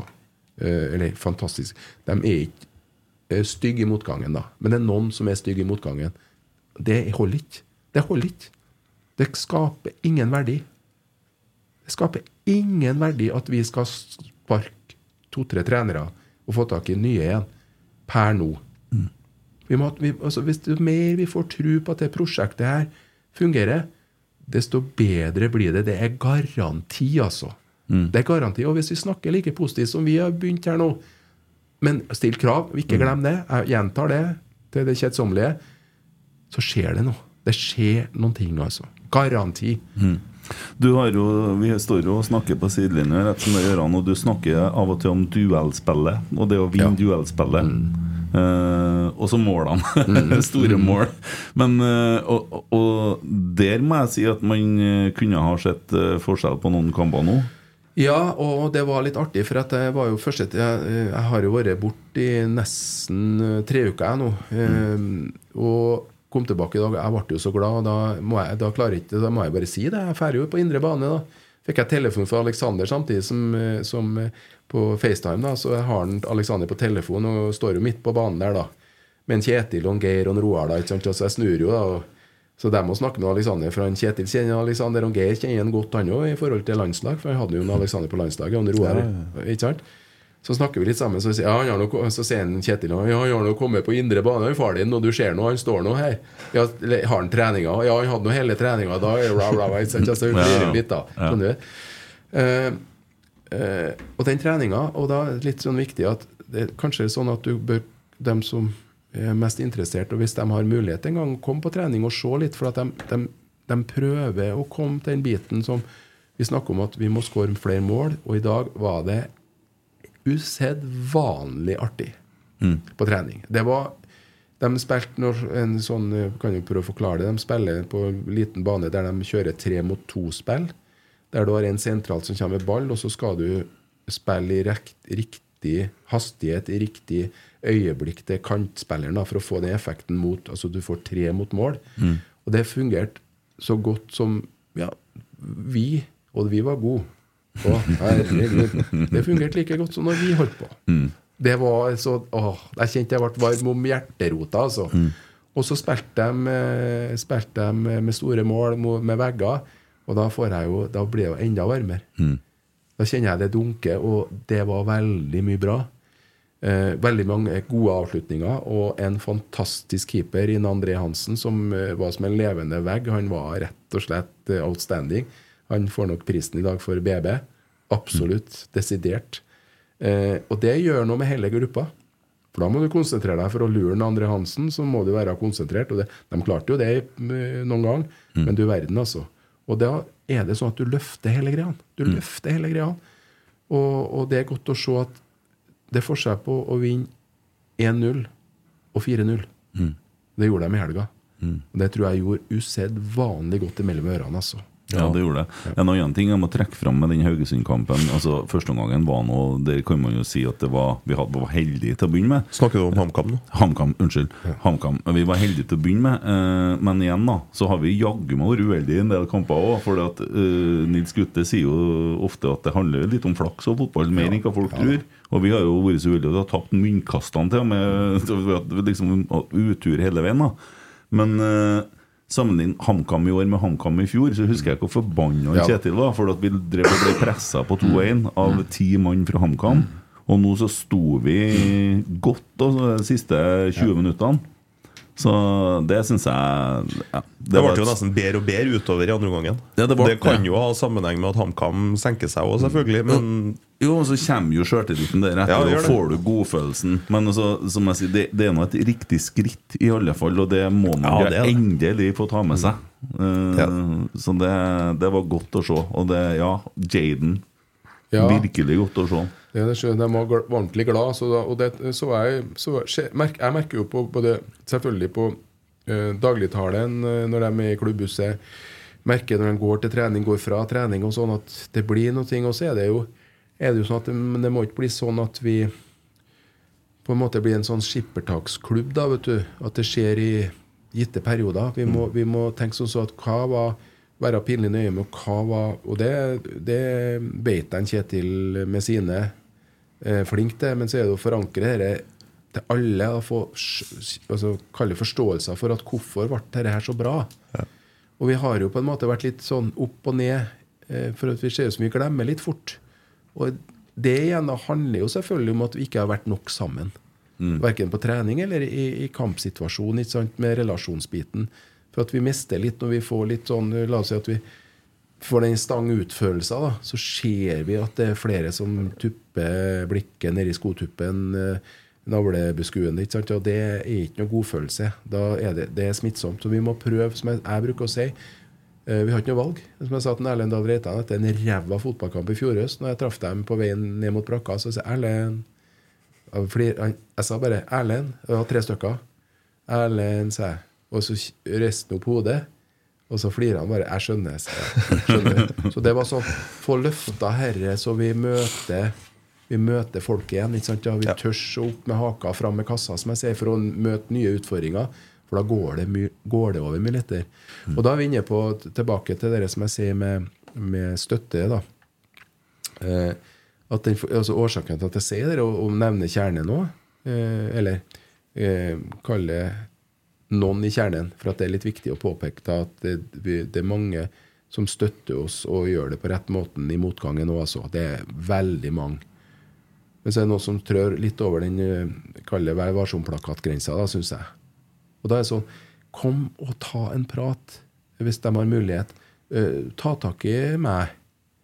Og så skal de få, skal de få litt, kanskje litt mer forståelse, sånn som gammel, til, ikke gammel, tidligere utøver. Mekanismen i forhold til uh, Still krav, ja, men still kravene rett. Ikke sånn uh, sure oppstøt og oppgulp over lang tid. Still kravene, fortell at de er forbanna, uh, du er dårlig, og så finner vi ut av det fort. Og så ser vi Men dæven, neste Så gi meg en mulighet til, som jeg brukte å si når jeg bomma på åpent mål. Og det har jeg faktisk gjort noen ganger. Gi meg en mulighet til. Altså, gi meg en mulighet til. Gi, altså, Hadde dere bakhodet hele tida. Og det hjalp jo meg noe helt fantastisk i forhold til å både bli Rosenborg-spiller, øh, fast der, og landslagsspiller. For at jeg sa det. Ja, men kan du ikke dvele så mye med det som er dårlig? Du må jo dvele med det at fanken, du er jo ikke altså, Du hadde jo, du klarte jo dette her for 14 dager siden. Måltørke til spiss, ikke sant? Ja? Da må vi begynne å ta fram de tingene som er på plussida igjen. Og Det er derfor jeg sier vi må være litt flinkere til å lime inn de tingene som er på plussida. Ikke si det at vi er udugelig, ubrukelig, for vi spiller ikke 4-3-3. Så sier jeg, skal vi gå igjennom Derfor jeg sier, skal vi gå igjennom sammen det vi har som material i, på spillersida. Eh, så finner vi ut at kanskje det ikke stemmer ikke helt med 4-3-3. Altså, sånn litt sånn forståelse for hva de tenker, de som skal, skal være sjefer her. da Og ta ut både førsteelver og, og litt sånn formasjonsmessig og, og taktikkeri og sånn. ikke sant, ja Så Jeg tror ikke vi skal, undervu jeg tror ikke vi skal undervurdere Kjetil og Geir og Roar, altså. There's never been a faster or easier way to start your weight loss journey than with PlushCare. PlushCare accepts most insurance plans and gives you online access to board-certified physicians who can prescribe FDA-approved weight loss medications like Wigovi and Zepbound for those who qualify. Take charge of your health and speak with a board-certified physician about a weight loss plan that's right for you. Get started today at plushcare.com slash weight loss. That's plushcare.com slash weight loss. plushcare.com slash weight loss. I'm Sandra, and I'm just the professional your small business was looking for. But you didn't hire me because you didn't use LinkedIn jobs. LinkedIn has professionals you can't find anywhere else, including those who aren't actively looking for a new job but might be open to the perfect role, like me. In a given month, over 70% of LinkedIn users don't visit other leading job sites. So if you're not looking on LinkedIn, you'll miss out on great candidates like Sandra. Start hiring professionals like a professional. Post your free job on linkedin.com/people slash people today. Everyone knows therapy is great for solving problems, but getting therapy has its own problems too, like finding the right therapist, fitting into their schedule, and of course, the cost. Well, BetterHelp can solve those problems. It's totally online and built around your schedule. It's surprisingly affordable too. Connect with a credentialed therapist by phone, video, or online chat, all from the comfort of your home. Visit betterhelp.com to learn more and save 10% on your first month. That's BetterHelp, H E L P. Mm. En annen ting, da. Uh, jeg husker i 1998, uh, da var den jeg husker så godt, for det var begravelsen til morfaren min. Så spurte jeg en onkel Bjørn uh, hva i all verden er som skjer med Rosenborg. Det her var i juni. Rosenborg er et høstlag, det er ikke noe å tenke på, vi vinner serien. Da. Hadde vi sannsynligvis hatt en fryktelig dårlig år. ja, ja. Og det hadde vi rett som det var. Ja, det var det. Jeg prøvde å si det i stad, at vi må ikke glemme det til og med under Nils. Så, så slet vi litt på våren, og det var forskjellige årsaker til. Vi, vi trente jo ganske mye, altså trent mye. Eh, vi hadde noen baner som ikke var like bra på, på våren. Så, så liksom Alex, Jeg husker en Alexander han, eh, han er mye flinkere til å gå inn. Altså, han syns det er litt artig, for han har jo ikke sett meg spilt live. Alexander kom jo til verden eh, desember 95, og, og jeg slutta jo det året. Eh, og da, det, det, er jo et, det er jo et savn for Alexander i forhold til sånn eh, live-greier. Men så, sånn er det nå. Så han har, går jo inn rett som det og finner tak i sånne artige saker, annet den derre 6-1-seieren mot Molde borte. Ja, du var med på den kampen, Ja, ja, ja. ja. Vi snakka jo om den her om Ja, dagen. og det er som jeg sier at eh, Og det er sånn som ikke jeg har eh, så Det er jo ikke det. Det er jo på en måte sånn Ja, det var jo den gangen. Men det ble 6-1 på gamle Molde stadion, altså. Eller 1-6. Ja, og banen var så jævlig, den. Ja, det regna, og det regna, og det regna. Og det var en potetåker. Den Ballen gikk på skinner. For at vi var så samstemt. Det gjorde ikke noe forskjell, på en måte. Ja. Så skåra seks mål på en, pot- i, på en potetåker. Mm. Og det sier jo litt om den, den, det hodet vårt, da. At, eh, at eh, vi, var så, vi var så samstemt. Altså, det hadde ikke noe å si om det var eh, Du spilte trommer fordi om det var uh, fartsdumper. Ja, du hadde akkurat samme rytmen før de fartsdumpene kom. Mm. Altså, det var ikke noe problem. Og det er et bilde på det, synes jeg, som er sånn Ja, hvorfor var det sånn? Jo, for vi kjente altså, vi kjente jo hverandres forskjeller. Vi, vi bygde hverandres styrker hele tida. Og, og det er der vi må lete etter og finne ut av. ikke sant? Og være pinlig nøye nå, da. Både dem som snakker om Rosenborg utafor, og dem som, dem som er internt i Rosenborg, på sportslig og administrasjon og ellers. ikke sant? At Finne styrkene til hverandre og bygge oss opp og tenke på det at fader, dette skal bli bra, altså. Mm. Ja. Ja, tror du det blir det? Ja, jeg tror det. Og jeg Hva- tror at desto mindre vi, vi stiller sånne overhårete krav, desto bedre blir det fort eh, som mulig. For at eh, vi stiller sånne hårete krav at det, er, den, eh, det kartet stemmer ikke med terrenget. da. Mm. Men kravene har òg styret lagt opp litt til, for styret sier andreplass. Det er kanskje ikke så smart.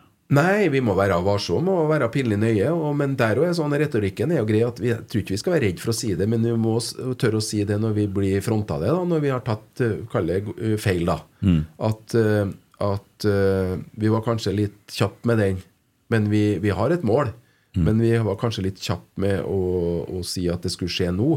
Men vi har fortsatt det hårete målet. Men kanskje ta litt lengre tid enn det vi regna med. For det syns jeg er en god forklaring. Jeg. Ja. Burde man f.eks. da ha gått ut i fjor og sagt at nå skal vi bygge klubb, og det tar tre år?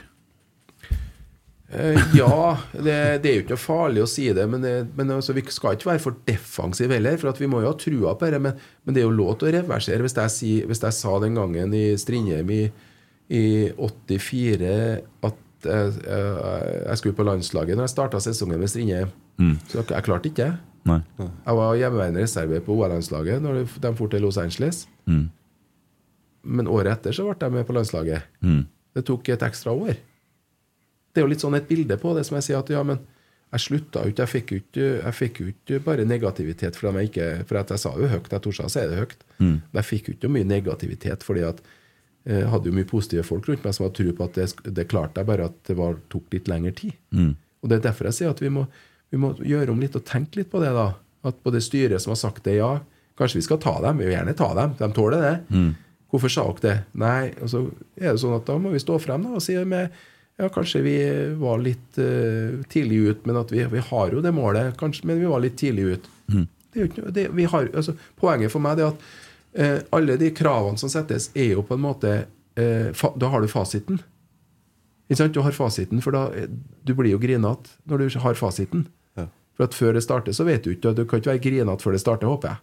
Men når det butter litt imot og har fasiten, da blir du grinete. Mm. Men det hadde ikke styret. De hadde ikke noe fasit på det her. Det hadde ikke en Kjetil. Det hadde ikke spillerne. Nå begynner vi å ha en fasit etter uh, ti kamper, for å si det sånn. Mm. Og da er det klart at det er ikke godt nok. Ærlig på det. Men vi skal få det til. Mm. Så, sånn, sånn tenker jeg. Mm. Ja, det, jeg håper da inderlig at det skjer. Eh, Det er jo Stabæk til helga. Men Emil, du sitter med ditt lytterspørsmål òg? Jeg gjør det. Og så må jeg bare beklage at jeg hoster litt. Det går bra. Vi Jeg er ikke det, smittsom, Gøran. Jeg er litt sånn sjøl, jeg, Ja. men jeg, ja. Så, Litt sånn pollen og litt ja, Nei, ikke etter meg. Jeg tror bare rett og slett at jeg har vært på flytur og er litt sånn tett, men Ja, du, eh, ja, det er aircondition som har tatt det. ja, jeg lurer på det også. Ja, det er fort gjort, det. Barcelona-lufta. Ja, eller ja, flylufta. Du, Jeg starter med et fra en eh, ikke navngitt eh, anonym innsender. Og vi får ikke premie, da? Nei. Nei. Til Gøran, hvilken drakt hadde du på deg i 60-årslaget til en Tor F? Uh, skal vi se Fotballtrøye-60-årslaget ja, ja, til ja, en Tor F. Jeg vet hvem en Tor F er, jeg òg. Jeg heter Tor Faksnes, og jeg spilte sammen med Strindheim. Hvilken fotballtrøye hadde jeg på meg da, ja? Hadde jeg på meg Borsasport-trøye, da? Ja, ja. Tyrkisk. Nei, fanken, jeg lurer på det, altså. Jeg er litt, jeg er kanskje grå jeg, jeg, ah. Ja, var ikke Ja. Molde. nei.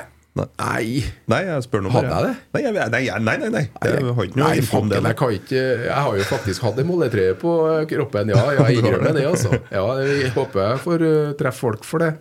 Men det var jo jazzfestival i Molde, så eh, Nei, fanken, jeg, jeg, jeg ser for meg, men du vet Det var jo en fest, det. Det var jo en bursdag til en Tor F. Det er ikke sikkert alt har satt seg, da. Nei, det bruker å dette bort litt, kanskje. Jeg har et fra Jonny Flatanger, har jeg lagra han som nå. Eh, han spør Gøran om hvor hans største fan kommer fra. Ja, eh, det er altså en plass som heter Flatanger, da. Ja. som er ganske langt nord Ikke ikke langt nord, men sånn eh, hvis du tar Trøndelag, da. Ja, ja, jeg har spilt mye på Flatanger. Du har det, ja? Ja så du vet hvor det er. Så det er, det er fantastisk hyggelig, og da snakker vi om positivitet. Ja, der er det gode Ja, folk du verden for noen vibber jeg får når jeg har kontakt med gjengen der, altså. Ja. Og Jonny og gjengen der. Det er magisk. Jeg kjenner du Jonny, altså? Ja da. Ja, jeg og Dag Ingebrigtsen har vært hjem til han og sett fotballkamp. Akkurat. Ja, da, ja da. Ja da. Det er fint. Tøft. Ja, det er fint. Tar, jeg går litt videre. Vi har fått inn en del spørsmål. Ja, da. Kjør på. Fra Gaute Sandvik, eh, rotsekkutøveren. Ja, ja. Hvor fornøyd var du med pushups-veddemålet med en Stefano? Og fikk du pengene? ja det er, samme fikk jeg fra Christian. Har han fått pengene fra veddemålet med Vekkia? Eh, nei, jeg har ikke det.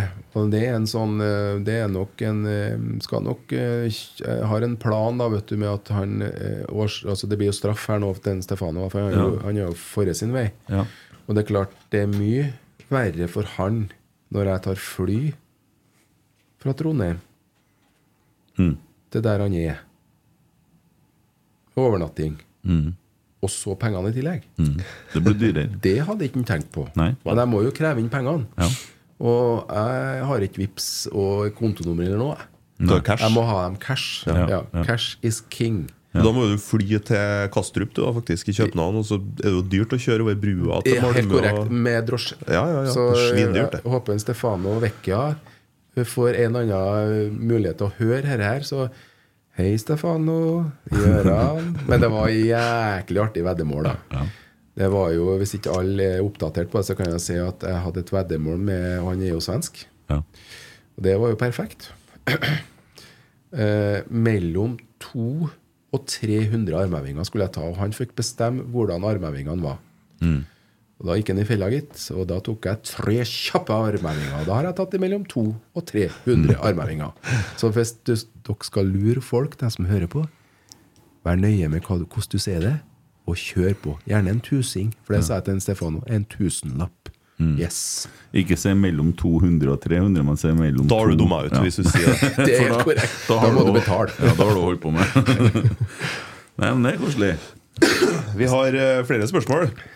Skal jeg bare kjøre på, agent? Ja. Lars Vuttudal.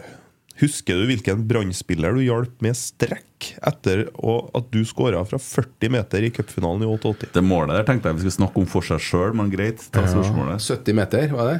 Eh, ja. 80 meter var det vel. Eh, jeg ser for meg en Redu Andritzi. Det, eh, det, jeg har fasiten her, og det er helt riktig. Ja, for vi var han vi, Redoan Reidar Dritzi. Du skjønner at det er en litt sånn spesiell situasjon, eh, eller spesiell, situasjon, spesiell historie. Den, er- den der eh, er sånn vag, eh, husker jeg, men det var mest nærliggende. Eh, Reduan fikk eh, spørsmål på dager, han òg, da. For å si det sånn. Eh, Hvem var hans beste, verste motspiller? Og da tenkte ikke seg om heller, sa bare Gøran Sørloth. Og vi var hund og katt, altså. Å, herre min jula, hvor vi smelte til hverandre og kjempa og styra på. Men aldri noe syting, vet du. For at vi var like. Og da møtte vi hverandre. skjønt ja? Og han sa jo det. Han sparka meg ned, og jeg tok han. Og, og ingen som bare kikka på hverandre og var klar til dyst igjen. ikke Sant? Og det syntes han var så herlig, for det var mange sånne sytkopper, sa han. Og det er litt artig. Tøft. Ja, det er tøft. Fortell noe om det målet, da. For det, det, det er absolutt første Gjøran-minnet jeg har. Jeg var tolv år gammel. var altså. ung du da. Jeg var 12 år. Ja. Ja. Men hva tror du det der målet gjør med en tolvåring? ja, nei, altså det er, jo, det er jo på en måte Altså Jeg sa jo det, og, og hadde jo en sånn egenskap på mange måter at jeg gledde jo meg og samla voldsomt overskudd med sånne øh, viktige kamper. Uh, det er jo litt sånn hvordan du er. Ullevål ble jo den andre hjemmebanen. Lerk, Lerkendal Ullevål, ikke sant? Eh, Klubb, landslag. Rosenborg på Ullevål. Vi var jo ofte. Og, og det er jo litt sånn den trygghetsfølelsen når du, når du eh, Mini eh, var jo pasningsleger. Eh, vi hadde spilt 2-2 førstkampen og var egentlig ræva. Ja, ja, må bare si det. Vi var, vi var heldige, altså. For vi, vi hadde brukt oss opp. Eh, vi hadde vært med på eh, Rosenborg-sangen. Vi sang for 40 000 i Spikersuppa, og vi var jo ferdig med kampen på lørdag. er og fant, ja, og fant plutselig ut at eh, 13-15 på søndag så starter jo cupfinalen. Og utslitt. Ja, men på en måte var litt sånn utlada. Ikke utslitt, men utlada. Så du fikk jo ikke i gang dette. Og så, og så, men vi fikk eh, Vi klarte den uavgjorten, og det var greit, det. Og så med neste kamp så var det helt tut. Vi var jo mye bedre enn Brann, må jo bare si det. Og da var det en Mini som fikk ballen på ca. Ja, si 40 meter, da. Som spilte meg på altså Han var på kanten sin, da. Litt, så å si, fem meter fra sidelinja. Så Kikka opp og ser jeg kommer øh, Vi har jo en kontring her. Ser at jeg kommer samtidig med han, og så spiller han litt foran meg. Så det var nok øh, bare 35 meter. Vær ærlig på det. Det er langt nok, det. da Ja, det er langt nok. Og så får, kommer det en sånn bue som er Altså, det er Jeg kaller det sånn at det er malt på en måte. Eller, eller det er lagt at den buen var helt rett. En fantastisk pasning. Og, den- og så når du ser det sånn, så blir alt i slow motion. Det er så rart. Det går jo fort, dette, egentlig. Men oppi hodet så blir det sånn at det er så perfekt, alt. At det går i slow motion, og da gjør du jo ting riktig. Så det var ned med venstrearmen, som jeg sier. Slapp ned venstrearmen. Litt bøy ryggen. Kjenne, treffe rista, bare ballen løfter seg, og du vet at dette går dønn i mål. Jeg hadde jo ikke sjans til å se keeperen. Det var jo noen etterpå som sa Så du keeperen? Og da klarte ikke jeg. Ja, selvfølgelig. Jeg kikka ikke på keeperen et sekund heller. Så det, det bare, altså, jeg gjorde jo ikke Jeg kikka jo på ball. Ball, ball, ball. Og du får et treff da som går i bue og rett i mål ikke sant, fra 35 meter på fullstappa Ullevål. Det er jo helt, helt vilt. Men det skal vi vite at vi hadde jo en rekonstruksjon på det her, på Lekendal. Og Golden Goal? Jeg lurer på om det var noe sånt der. på TV 2. Og jeg sier jo at vi, vi Vær ærlig her nå. Jeg tror vi brukte fem forsøk. Husk på, dette Da var vi 45, Jeg var 45-50 år og Mini litt, litt yngre da. Og vi brukte fem forsøk, så klarte vi akkurat like langt. Så det er, no, det er noen mekanismer i forhold til Husk på det. Helt rart.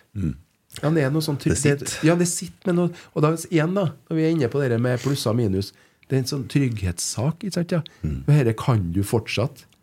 Det er helt snedig, altså. Fordi at det har blitt bygd opp, og, og alt det der. Ikke sant? Og sånn at, ja, rett og slett eh, en deilig følelse som gjør at du lagrer det. Pos så positiv tenking igjen. da. Du lagrer noen ting veldig, veldig positivt. Det var, var jo helt enormt, vet du, Emil. Altså, 88, ja. Jeg satt, ja, ja, jeg satt hen til kompisen min, og vi så her, her og det var, ikke, det var ikke veldig mye fotball, norsk fotball på TV den gangen der. Så husker jo Per Egil Ahlsen, og så husker jeg det der, liksom. Men da, da ble vi jo stein tullete. Ja, så visste vi jo det at uh, vi, eh, vi hadde jo feira i 85. Bare for å ta det, så hadde vi jo feira i 85, og vi var jo seriemester òg når vi var på Ullevål den gangen. Eh, og vi hadde jo gledd oss for at vi, vi feira jo Jeg må jo innrømme det at vi feira jo noen sånn enkeltstående seire òg. Av og til at vi var ute og drakk Cola Light og tok oss en kaffe. eh, så det var jo sånn Det var jo, det var jo sånn som vi var bygd, sosialt. Eh, og, men, men som jeg sier, altså, vi, det, var, det ble jo en sånn drømmesak, vet du, for vi hadde jo så artig. Eh, altså, vi, vi, vi, altså det Alt på en måte stemt. Um, trenere, støtteapparat, klubben. Uh, alt ble løfta. Og det er jo sånn og, og, tar det med, sant? Ja, Du tar det med så over så lang tid. Sant? Du tar det med til alt med Champions League, og for det starter jo en plass her, sant? Ja, med, med treneren vår. da.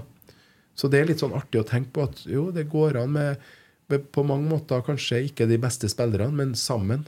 Og det er jo samme med Drillos. ikke sant? Landslaget Vi hadde jo kanskje ikke eh, I forhold til nåtid da, så var vi ikke så fryktelig gode. Vi var gode, men ikke så fryktelig gode, men vi klarte det likevel. Fordi at vi var så samstemt. Vi var så, vi var så, vi var så en, en altså på en måte Alt skjedde samtidig. Ja. Så det er litt artig å tenke på. Jeg ser jo, jeg var jo på var jo på møte med veteranlauget i går, og Alexander var gjest. Det er jo litt spesielt da når faren sitter og småflirer. og Han kjenner jo far sin rimelig godt, han her gutten. da. Og så sier han det at eh, han ble jo kåret var et spørsmål da, hvordan var det når du ble kåra til eh, månedens spiller i La Liga. Og så eh, fortalte han litt om at han eh, rakk jo ikke å, å nyte det. Han fikk jo en kjempefin sånn pokal. Eh, emblem. altså det Skikkelig opplegg, altså.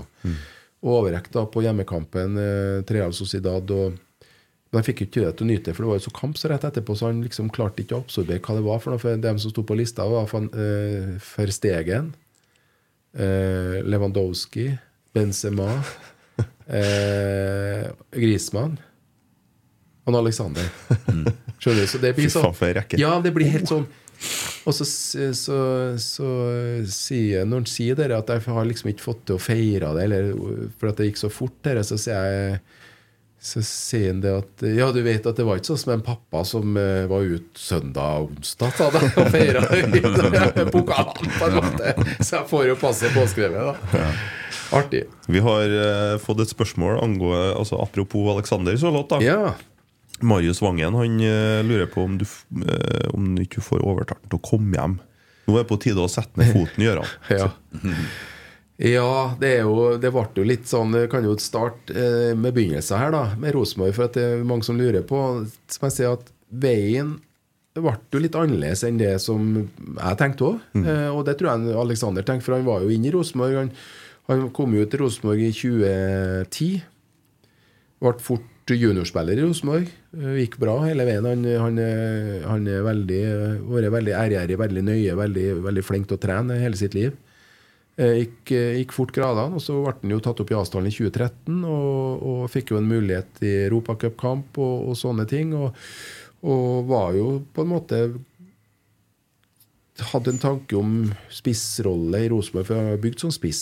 Og så ble det jo ikke sånn, for det var jo folk i Rosenborg fra før, spissa der fra før. og eh, med erfaring og sånn, så det ble jo litt annerledes altså det ble, Tida gikk litt ifra, og han eh, ble ikke helt fornøyd med, med tingenes tilstand. Og sånn er det, altså. Så, men det som er viktig å fortelle, da, det er at uh, tok et initiativ, uh, Bodø-Glimt og, og Rosenborg og Alexander. og Jeg var jo med på prosess, selvfølgelig, men jeg, jeg har aldri lagt noen føringer. Det er viktig å si, jeg har aldri lagt noe, Det er jo et sånn hint til foreldre som kanskje har en jente eller en gutt som begynner å komme opp i det siktet. da, at uh, La nå dem få lov til å, å absorbere og tenke da godt på hva valget er, for det, det er deres liv. Vi skal være støttespillere. Jeg har aldri lagt noen føringer på hva han gjorde, nei. Han spurte, og jeg var positiv til alt, det. Uh, og det tror jeg er viktig, og det er voksen på. Og så ble den veien da fra gutterommet på Dalen Hageby, i stedet for ned trappa, ut døra, rett på frokost på brakka, uh, tilværelsen var ganske enkel da, til å klare seg sjøl i Bodø. Jeg skal ikke se bort ifra at det ble rett. Dessverre ble det ikke Rosenborg, men kanskje rette veien for han. Eh, Kan jo kanskje vært det samme hvis han har eh, lyktes tidlig i Rosenborg òg, men det vet vi ikke noe om. Så, Nei, det blir jo bare spekulasjoner. Ja, det blir bare spekulasjoner. Ikke sant? Ja, derfor så sier jeg at de, Og det artigste med er at en Alexander har et fantastisk stort hjerte for Rosenborg. Han, han, han snakker så positivt om Rosenborg og, og i forhold til det han har opplevd. Og mer positiv enn jeg. For jeg kan være litt sånn, kan være litt sånn nøktern direkte og si at ja, men vi må finne ut av dette. Ja, fader, ja, men må nå gi dem tida, sier han da. Litt av det vi er inne på. At han tenker litt sånn i forhold til ståsted utøver i dag. Jeg tenker jo Jeg kan jo det, jeg òg, men du glemmer jo litt, da. At du tenker litt sånn eh, Når skal det skje? Skjønner du? Ja, kjernen, eh, Enkelte kjernenfolk vil vel ha sagt at den tida fikk dem i fjor. Ja, men rydda ikke vi opp bra etter hvert i fjor, da? Jo, men eh, da forventer man bedre resultat Ja, at vi starter på Ja da, jeg er ikke uenig i det. Starte, starte litt likeens som i fjor, ja. ja. Eh, men vi må jo Vi må jo ikke glemme av eh, Vi må ikke glemme av uh, Viktor Jensen, Kasper Tengstedt og ikke tre som er Ole Sæter, som ikke har vært med så mye da fordi at han har vært skadd. ikke sant? Stefano Vecchia og Stef- ja, men jeg Olaus tenk- Skarsheim. Ja, men jeg tenker på de treene der, da, som, mm. og spesielt Ole og Stefano, som var, og Stefano ja, som var årsaken til Mm. Var det mange mål? 35 mål? Og Carlo Holse har jo vært skada. Ja. Ja. Så vi må, vi må være litt edruelige når vi ser sammenhenger her. Altså, vi har en tendens til å glemme veldig fort. da Mm. og, og det er klart at vi var usedvanlig gode. Og det skal mange ha ros for. Må ikke glemme at det er noen som har henta Kasper Tengstedt- òg. da. Mm. Jeg vet ikke hvem det var. Mm. Var ikke en Mikke, kanskje? De Det er jo- at de jobber i team. Ja, så- men jeg skjønner du hva jeg vil fram til. Altså, Mikke Dorsin gjør ikke bare gærent, han heller. Nei. Absolutt ikke. Nei. det er noe som Nei, nei. Nei. Uh, ja, Remi spør har Gjøran vært mye i Fevåg. Ja, det har jeg, ja. Jeg har, uh, har vært en god del i Fevåg, til og med spilt kamp. Min siste kamp for Ressa. Ressa IL uh, var mot uh, Hill Fevåg. Hill? Hill Fevåg, ja. De heter Hasselvika. De slo seg sammen. Ja. Hasselvika Fevåg. Ja, ja, dere må ha klart. Ja, og, Ja, nei, jeg og trivselsplass de luxe Fevåg. Mm. Ja, ja, ja. Og det var så trivelig at vi vant 9-0. da. Jeg skåra seks mål. Det var siste kampen min ute her. Ja, jeg ser det. Så jeg avslutta med seks mål. vi har jo blitt sponsora til, til FK Fosen. Ja, ja, ja. Og FK Fosen de valser jo over lag etter lag. Og Ja, ligger de ligger jo, øverst. ligger jo faktisk an til opprykk til femtedivisjon. Ja. Vi skal ikke ta gledene på Forskedal. Du vet Fevåg på ene sida, Råkvåg og litt sånn inn der. vet du, Det er jo et paradis, det. Ja, det der. Jeg har jo jeg har ei god venninne som har hytte i Stallvika. Ja. Da er der det. Da er vi inne på Der det. er det jo kjempefint. Ja. Kommentar fra Kristian Vibe Avtjern, som er rotsekkløperen Ja. her. Herlig med flere i idrettslaget rotsekk. Idrettslaget rotsekk, det vokser. Det bør glede seg til bankett. Ja, det, ja, det, det blir jo det, Skal han Gøran komme og holde innlegg om uh, Ja. Ja. Gjerne. positiv uh, Gjerne. Gjerne. tankegang? ja. Og det er fint, syns jeg. Det er fint, ja. Det jeg hadde, eh, Apropos forelese, jeg foreleste om eh, voldsforebygging i forrige års. Litt på andre sida. Eh, bare for å, Vi snakka om FK Fosen. FK Fosen spiller fotballkamp mandag 12.6. på Lade eh, mot Lade ballklubb. Eh, oppfordrer alle sammen, og spesielt guttene i rotsekk, til å møte opp på den kampen. Da skal vi jo se laget. Jeg regner med vi får en VIP-losje der. Når var det, sa du? Mandag, som kommer nå. 12. Ja, Lønningsdag og det. Ja klokka 19.30. Du rekker å faktisk få til det, du. Det går akkurat. Med legginga. Legging Ja og jobb og Skal jo unger, vet du. Gjøre, altså. oppfordrer alle til å møte opp på Lade. Og enten hei på Fosen eller Lade. Ja. Eller hei på fotball. Breddefotball. Det er god underholdning, og dit skal vi. Kjempe, kjempegreier. Hva snakker vi om sjettedivisjon sjette divisjon nå? Sjette divisjon. Ja, Ja. jeg må bare oppdatere meg litt. Ja, jeg leser opp. De har spilt mot Kolstad her nå. Bare sånn så ikke misforstått, jeg sier sjette- sjette divisjon, da. Jeg starta i Fosen i fjerdedivisjon, så ble det gjort om, så jeg var femtedivisjonsspiller når jeg for, jeg, altså. Ja. Det er ikke å kimse av. Jeg starter en plass. Alt er mulig. Hører du det, er Siljan Steen? Uh, Fosen spilte mot Kolstad på mandag og vant 9-2. De spilte mot Munkholmen 29.5. og vant 15-2. Oi, oi, oi, oi, oi. Det er ikke så rart, da. Spilte de mot Sjørna på Fevågbanen. Ja, Vant 9-0, som du. Og så slo de Slålotten 2-8-1. Så før det slo de Rissa 12-0. Nei, nei, nei, nei, nei, du, trengte ikke ha, du må ikke ha med Alta, vet du. Nei, nei, nei, men Rissa Ja. de, de har faktisk vunnet en kamp. Oi, oi, oi, Ja, De ligger nederst, men de har slått Munkholmen. Ja. Men det, er jo det kan jo umulig være mange gode fotballspillere fra Munkholmen, tenker jeg da. Men det Nei, men de kaller seg det. Det er jo Å, det ja, gamle, sånn det, ja. det er jo det gamle musikklaget til Ja. Petter Northug, dere, vet du. MILF? Jepp. Oh. Men, eh, men eh, når jeg hører antall mål der, da er det Nei da, vi De skulle, ha ikke å vært en trekke det divisjon, de skulle ha vært en divisjon opp, men det, ja. Nei, men de klarte jo ikke i fjor, for Nei, da hadde Vestbyen som drev og herja. Ja, skjønner, skjønner. Så men det, det er artig. Vi må hjelpe dem, og dem, eh, vi, ja, vi har nå bidratt med drakter. Ja. Og mandag skal vi støtte dem fra sidelinja. ja. Og der òg gleder jeg meg til bankett. Ja, vi forventer jo litt oppmerksomhet der, da. Ja, ja. Eh, PK spør på Twitter. Beste medspiller og motspiller. Ja, eh, vi har faktisk så har vi nettopp gått gjennom litt sånn motspiller, da. Eh, det er eh, jeg, er så jeg føler jo litt sånn når jeg var om avkledd, så ble det ble veldig sånn tøft fysisk òg, faktisk. Og der var jeg jo god. Der var jeg jo egentlig best. Når du møter en som er like sterk som deg, og sprenger litt fortere enn deg og er i sitt livsform Det var Vjerkovud på Sampdoria, den kampen borte mot Sampdoria. 92. Eh, jeg husker ikke akkurat når jeg var 91-92. Ja, noe sånt. Ja, ja. Eh, men du verden, da var det vanskelig å være midtspiss, ja. Når Mm. jeg møter en midtstopper som har eh, Han var, jo- var jo italiensk landslagsspiller òg. Oi, oi, oi. oi, oi, oi. Men eh, medspiller eh, Det er jo egentlig mange som kan nevnes, men eh, det er jo litt artig å si en Sverre, da. For vi, vi fant jo egentlig ut av ting. Altså det er litt sånn Hvis du deler litt ved, dveler litt ved det, så er det sånn Jeg var jo ikke noe glad i Sverre. Fordi jeg syntes Sverre var en luksusspiller. Mange årsaker til at en Sverre ble sånn. Fordi at han plagdes litt med rygg. Passa seg litt i forhold til å gå inn i alle de duellene. da og, og, og jeg var ikke helt fornøyd med når jeg kom inn i garderoben og blodet rant fra kutt i panna eller i øyenbryn og var svart og var mer svart enn hvit. Vi hadde jo mer hvitt på oss da i utgangspunktet. Sverre kom inn akkurat likedan, nesten. Ikke sant, ja. Men det fant vi ut av. Da snakka vi om roller. Sverre var veldig flink da, til å, å forklare, da. For han, var, han har jo gått denne veien eh, litt tidligere. Han kom til Rosenborg i 81, og så satte vi oss ned på klubbhuset. Snakka om roller, snakka om hans rolle, snakka om rollen min, og jeg snakka selvfølgelig samme. Og så fant vi ut av det, så ble det veldig mye gode relasjoner. Og det er litt artig å tenke på. Altså, vi var hund, jeg var, jeg var hund, både hund og katt. da Sverre var mer nøytral. nøytral. Så du vet at det var Men så det var sånn, eh, sånn eh, Det var en start som var Det var en, eh, Kall en eh, trang fødsel, da. Det var med tang. Ja. Men det gikk, eh, det gikk faktisk veldig, veldig bra. Og det syns jeg er litt ekstra artig, Ja. når vi lyktes på den måten vi gjorde.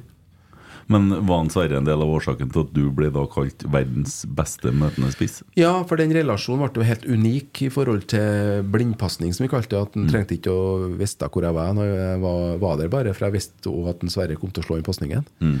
Og den, den opp tilbake rundt øh, gjennom, ikke sant. Carl Petter øh, Mini, da, spesielt, var jo helt For at jeg må jo følge med en midtspiss som, som færre å lure, vet du. Mm. Og begge midtstopperne var jo etter, og da kom jo sidebacken etter. Og så fikk vi den der eh, skumila, som jeg kaller skumil først. Eller egentlig ikke skumil, men altså spissen. Skaffe rommet. Som blir så stort at du kan egentlig plassere den hvor du vil enn i bakrommet. Der var Mini og en Carl Petter, og spesielt Mini. Jeg må jo bare si at tenker litt på det, altså. Når du har en sånn en mini, altså mini så ut som han sprang utrolig fort. Da. Det gjorde han ikke, han små føtter, men han sprang ganske fort. da Men han hadde en sånn egenskap til å se disse løsninga. Og det, da handler det om stor fotballforståelse. altså Mm. Og det er smittsomt. Dette er smittsomt, altså. For det er når du ser Mini som hadde, Sverre som hadde, jeg som fikk det ikke sant, etter hvert i læringa, Mm. så er det sånn Og det ble et sånn forståelseslag, ikke sant? Ja, men jeg kaller jeg det da, for at det var sånn forståelse for hverandre. på skinner. Men er ikke litt det vi så nå mot uh, HamKam òg? Kjente igjen noen pasninger fra i fjor?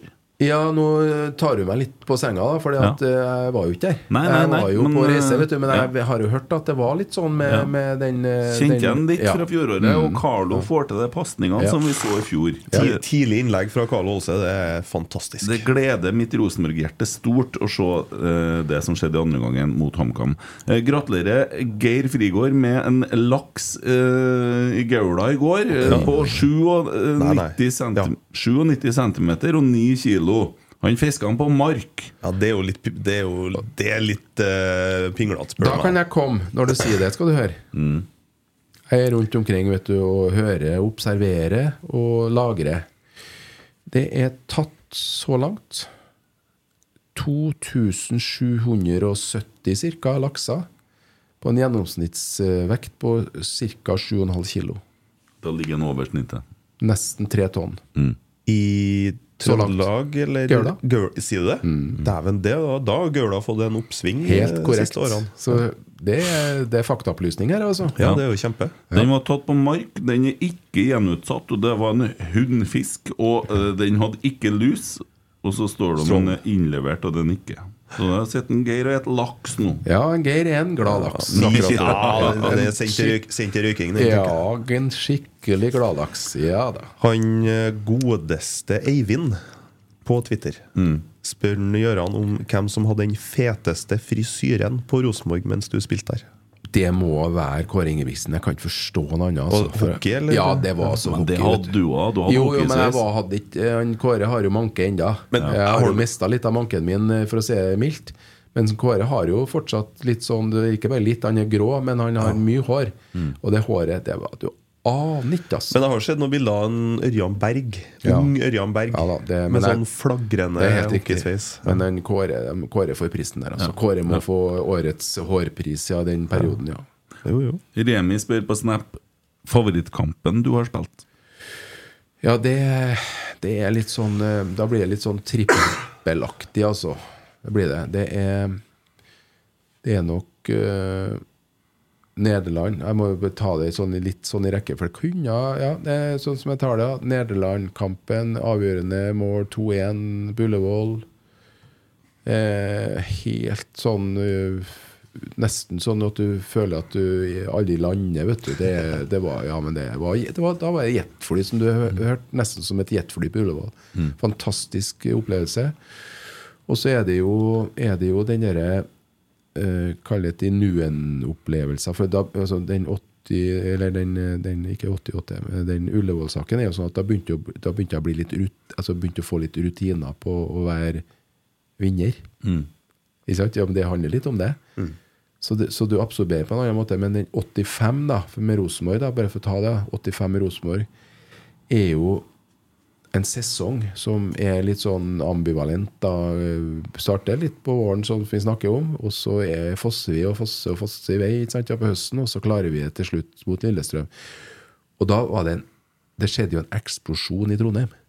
Altså, da, da snakker vi Da snakker vi Altså, da snakker vi eksplosjon i Trondheim by, altså. Folk gikk på biltak. Mm. var sinnssyk-kameratene, for å si det sånn. Eh, og det er jo noe som sitter igjen i forhold til at eh, det blir sånn, det blir sånn impulsiv feiring i en altså, ordentlig nuet-sak som bare går rett til himmels. Som du aldri glemmer. Vi var så glad at vi, vi feira jo altså, Jeg bruker å si dette. Ja, hva skjedde videre? Nei, vi, vi var jo så glad at vi feira i 86 og 87 hele Ja. Glemte Ja, for det var det jeg skulle, det var det jeg skulle legge til. Finn Hellandsjø var jo formann Ja i 85, så, og det var bankett på Britannia. Det måtte nå bli en bra fest. Vi hadde bankett hele tida. Ja. Ja, vi hadde Dæven han, altså. Det var Men eh, det er jo de to tingene øverst sånn, og så er kommer jo den der ultimate festen igjen, da, på en måte, når du er på bortebane, hjemmebane, skråstrek hjemmebane på Ullevål i 88. Så var Altså, må jo si den stemninga når Brann og Rosenborg møtes, da. Ikke bare på Ullevål, men i byen. Eh, Husk på, de gikk fra sentrum eh, hand i hand, nesten. Vi snakker bergensere, trøndere, eh, Brannfargene, Rosenborg-fargene. Altså. Vi tok bussen, og jeg, det var hårene Jeg kjenner jo enda når jeg snakker om det. Hårene reiste seg. For det var så artig. Eh, Folk var så glad. ikke sant? Ja, Franken skulle på, skulle på cupfinale, altså. Bergen og Trondheim.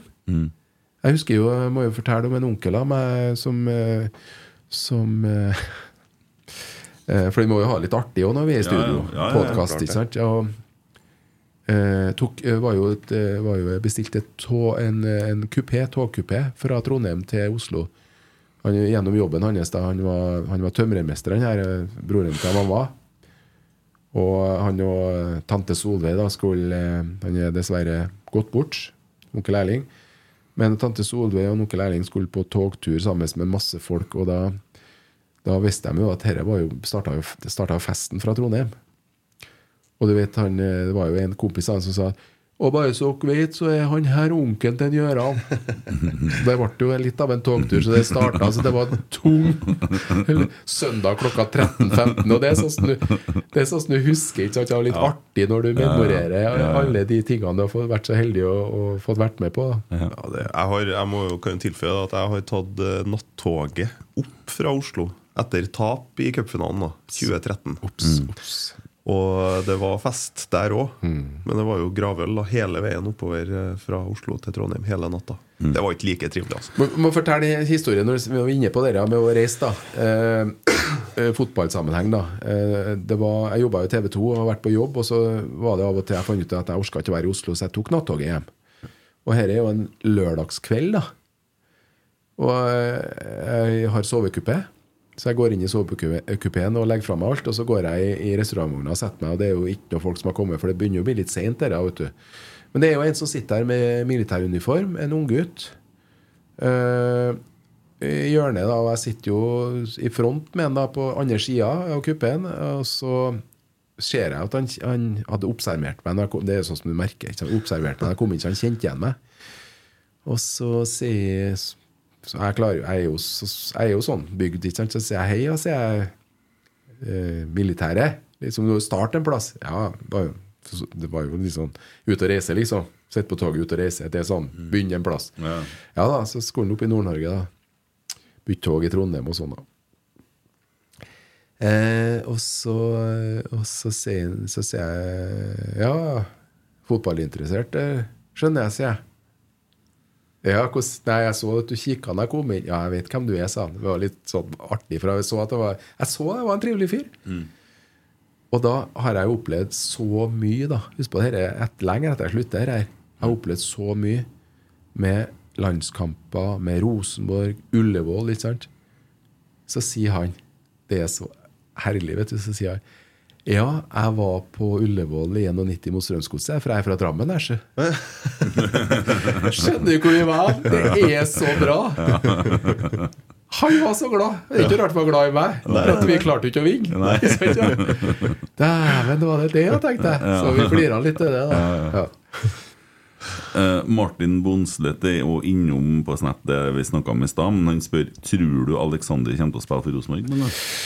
Eh, ingen vet hvor haren hopper, er svaret, da, men uh, du vet at han Alexander har jo kommet Jeg, jeg klipper jo meg i armen når vi snakker om hva kan skje, og hvor han er og alt det der. For det er jo nesten uvirkelig at um, tar opp på en måte litt arven, går langt forbi opphavet og, og er der han er uh, med den suksessen. 20 målpoeng i La Liga. Eh, uante muligheter og sulten. Han er sulten. Han snakker om det at han har lyst til å vinne. Han har lyst til å, å eh, Så skal aldri si aldri, men eh, ja. Det, blir det, det har vært veldig artig, men, men eh, han er ute i store utland, ikke sant? Ja. Han er jo bedre enn det nå. jo, jo, men vi så at Det Ole jo- Selnes, Jonas Svensson, Fredrik Midtsjø Han har bare blitt enige. Gutta, vi tar et år dugnad nå. det Hvis vi gjør det for laget. Du er litt artig, Kent, for det at når du sier det, så skal jeg fortelle deg en ting. Altså litt sånn internt fra Rosenborg. da Ja. Men eh, med en, eh, med en eh, Fredrik og en Ole og en Alexander og Jonas. Ja. For de gikk jo mye i lag. Eh, spesielt Ole og Jonas og Alexander. Eh, og da var de, var de jo ganske ferske i Rosenborg-sammenheng. Og, og eh, holdt på å bygge seg opp. Og hadde klare målsettinger. Hvis det skjedde noe i forhold til at de for sin vei, så skulle de tilbake samtidig. Nå er det Jonas eh, i Tyrkia, og Fredrik i Tyrkia, og Ole vet vi ikke om ennå. Om Nei. Alexander holder på med det han holder på med. Så eh, jeg tror ikke det skjer. Dæven, hvor artig det har vært! Jeg er Ja, enig det i det, altså. stas. Ja. Eh, Men det er jo, så er det jo ei tid der òg. For det er jo det du snakker om sult, da. Ja. Og øh, vi har nå sett òg spillere komme tilbake når det kanskje har vært litt over høyden, og det Ja. Jeg har opplevd det sjøl, at eh, det varte eh, et halvt år til meg, og så kjente jeg at jeg hadde ikke den samme gutsen lenger, for det skjer noe med deg. vet du Så når jeg, var, jeg for til Stavanger, da Mm. bevisst til Stavanger, ikke til Rosenborg. Jeg kunne ha kommet tilbake, men eh, jeg følte at det ble helt feil i forhold til den, eh, den utviklinga som Rosenborg og Harald Martin og som midtspiss eh, kom jo flere, ikke sant. Altså, jeg følte at nei, jeg tok for stor plass. Mm. Mm. Men du fikk oppleve Stavanger en stund? Det var hyggelig. Ja. Veldig hyggelig, faktisk. Ja, Og der ble det jo tilbudt øh, noen muligheter. Ja, eh, det gikk jo så bra i forhold til Kanskje ikke så på fotballbanen, men jeg var jo sånn som jeg var. og Jeg, jeg snakka jo med folk, og både i klubben og rundt klubben, og, og fikk masse gode venner. Så de ville gjerne at jeg skulle være igjen og være med og bidra. Så det var veldig hyggelig. Men eh, det ble jo nummer to. da Alexander ble jo hyggelig nå er høygravid på den, eh, den høsten når vi har slutta. Og så kom jo Alexander i desember, og da begynte det å bli litt sånn eh, synd, men sant, at Stavanger er litt sånn utafor den derre allfarveien, kaller det det. Ja. eh, Fordi at det, det, det er litt å ferde dit. Og Da begynte vi å tenke litt på besteforeldre og litt sånn, og da for vi tilbake til trygge Trondheim, da. Ja, Det er jeg glad for at du gjorde. Au. Men du har jo vært da i Rosenborg, og jeg ser deg jo på treninga. Jeg ser deg på brakka, jeg ser deg opp og Du er og snakker for lauget, du er ute og holder litt forelesninger, du tar deg av sånn som vi snakka med Ivan her, og du, du gjør jo så mye opp og snakker på vippen før kamper er kampvert. Du, du har veldig mange funksjoner. Ja, jeg har jo det, og er jo også medarrangør på gutter 15, gutter 17, eh, tredjevisjonslaget. Mm. Eh, Så Ja, spiker på, Ja, på og Sanderbanen. Fix, som det heter, sånn datasystem som du er pliktig å ha i forhold til fotballforbundet på tredjevisjon. Så jeg har jo noen oppgaver, og det er sånne oppgaver som jeg, jeg syns er fantastisk å ha. fordi at jeg plager, jeg vil innrømme at jeg plages av og til med hodepine. Jeg fikk jo en sånn sak i 2009 og har jo egentlig hatt det et- eller egentlig jeg har jo hatt det etterpå, men, men dette her gir jo så mye plusser. så Det er derfor det er sånn viktig å si til dem når jeg snakker om det òg, eller snakker om Rosenborg og snakker positivitet, at eh, vi, må, vi må prøve å få frem at det er flest eh, gode dager. Mm. I fotballsammenheng òg. I Rosenborg-sammenheng. Samme som du, hvis du sliter med noen ting, så er det Tenk på det at eh, lim fast det med at det er flest gode dager oppi hodet. Mm. Ikke lim fast at eh, den eh, når du kjenner som verst eh, Jo, men det går over. Prøv å lime fast det at det er mest gode dager. Mm. Hvis du klarer å få tankegangen, tankerekka di til å bli sånn, så blir alt mye lettere, og jeg kaller det den LPT-saken. da. LPT, det er tre bokstaver som vi ikke glemmer, vet du. Mm. LPT har jeg, og så har jeg HTH. Uh, L- Det, det, tre, det jeg bruker tre bokstaver. LPT og mye i det. LPT og HTH. Kom igjen, Emil. Lyst på Nei, det er mye lettere enn det. Det er lett på tå. Jeg skulle til å si lett på tå, men Ja. var for opplagt. så Ja, nei, det, det skal ikke være vanskelig. Det er lett på tå å tenke litt sånn jo, fre, litt fremover, lett på tå. Møte folket, eh, kjenne at det er positivt. Mm. Gir energi. Og så HTH, bruker HTH. Ikke kjøkken, det er et dansk kjøkken. Mm. Men det er ikke kjøkken jeg snakker om, det, det er hei, takk og ha det bra. Da Det er du det gir ikke dum, faktisk. Nei, da, da har du på en måte lagt litt eh, lister for, eh, for dette med å bygge lag. Du har lagt lister med at du, hverdagen blir eh, positiv, osv. Så, Ja. videre, og så, videre. så det er sånne som jeg har lært meg til. Jeg var jo redd for hodepina for at det var sprengstoff. Jeg hadde jo høyspent oppi skallen, og det har jeg jo fortsatt noen perioder, men jeg vet jo at det går over, ikke er farlig. Mm. Og da blir det litt annerledes. Og Derfor så tenker jeg sånn, ja, da er jeg om noen dager så er jeg LPT. Og så, og så vet jeg, uansett hvordan jeg er, så har jeg i hvert fall HTH. Ja. Var det noe som forårsaka det hodepina i 2009, eller? Nei, altså det som mest sannsynlig har skjedd med den, det er jo en, det er jo en skade i forhold til aktivitet. Altså jeg har hatt masse tosifra hjernerystelser, så ganske harde støter. Og, og det var et sånn metningspunkt, det har et sånn svartfelt som man kaller det, som gjør at sirkulasjonen blir dårlig i perioder. Mm. Så det blir jo sånn fullsjuk eh, Det er sikkert noen som har opplevd det. Være fullsjuk. Mm. Det vil si at du har skallbank, og det er sånn dunk, dunk, dunk, dunk eh, Mm. ordentlig. Og for å blodstrømgjennomstrømminga blir for dårlig, da. Mm. Så det er akkurat som det tetter seg, og så slipper det igjen. Mm. Og da. Da, er det LPT. LPT, eller jeg prøver å tenke LPT når jeg har det òg. Jeg prøver å komme meg ut og, og har noen sånne dager der jeg blir litt sånn, kjenner at jeg drar litt på blikk, eller sånn skrukker litt panna og kjenner etter, for at det, det hamrer litt. Men altså, det, altså folket rundt meg og, og dem jeg ser, gir meg utrolig mye energi. Mm. Ja. Ja, men du gir mye energi òg. Og så- tar du deg jo tida til å så, Vi har nå så, så, Vi har nå hatt litt meldingskommunikasjon, så kommer du bort til meg og sier Du svarte ikke på den. Så får jeg beskjed om at man svarer på de meldingene. Ja. Ja. Jeg hadde trykt hjerte på Ja. hadde ikke gjort.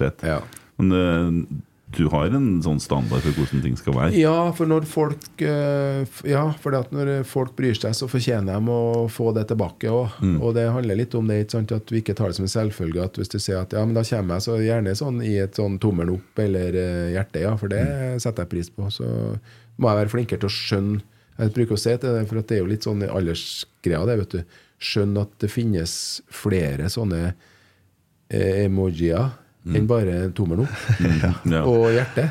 Ja. Det finnes faktisk sånne små også, som du henger ved, ikke sant? Ja, som er over et sånt svar. Mm. Og Det har jeg jo funnet ut siste årene, at det, det teller jo det òg. Ja, ja, ja. Men jeg må bare finne det. Ja. det var det jeg gjorde, da. Ja, jeg vet så- Og så var det en annen dag. Jeg skal ikke si hva vi snakka om, men jeg dumma meg litt ut. da Og jeg var, jeg var litt eh, Jeg skulle si at jeg var litt liten, da. Eller litt sånn smålig og negativ. Og så sier jeg noen ting som er fullstendig talentløst av meg. Og så får jeg klar beskjed fra Gøran at eh, det der, Kent, det er ikke greit. Og når jeg for derfra, så var jeg så skamfull som en liten hund. og jeg tenkte på det i to dager. Og så ringer jeg til Gøran og sier at jeg er bedre enn det der. Vet du, jeg må bare legge meg langflat, si helt rett, og jeg kan bedre. Unnskyld meg, altså. Er- men du, sånn, gjør, du gjør jo noe med folk, da. Ja, det- men altså, det er jo begge veiene, det. Og det er jo respekt, det. For at, er derfor jeg sier at det er jo ikke noe problem med at vi kan bli litt sånn eh, Ikke bare litt, men altså bli noe forbanna og irritert og sint. Det er jo lov, det. Men eh, kom tilbake og tenk på at jo, jeg har nå sagt det, jeg har gjort det, men hvis du føler at du har gått over, så bare si at nå strakk jeg litt langt, men jeg var så forbanna. Det er en forståelse, det. Sant? Men ikke bare bygg på det igjen, da. Ikke, sant? ikke bare bygge på den irritasjonen, men bli ferdig med det. Og så sier jeg ja, men det er jo lov. Det er lov, det er lov til å være irritert på en Kjetil, det er lov til å være irritert på en Geir. Og gjerne skjell dem ut hvis du er irritert. Men du må ikke strekke det så langt at du er nødt til å gå ut i sosiale medier med det. Trenger da ikke det. Si det til dem, da. Faen, hva du holder på med nå, da? Ikke Hvorfor gjør du ikke noe med det der? De tåler dem. Det er mye likere for dem, for da kan de si at ja, vi skal finne ut av det.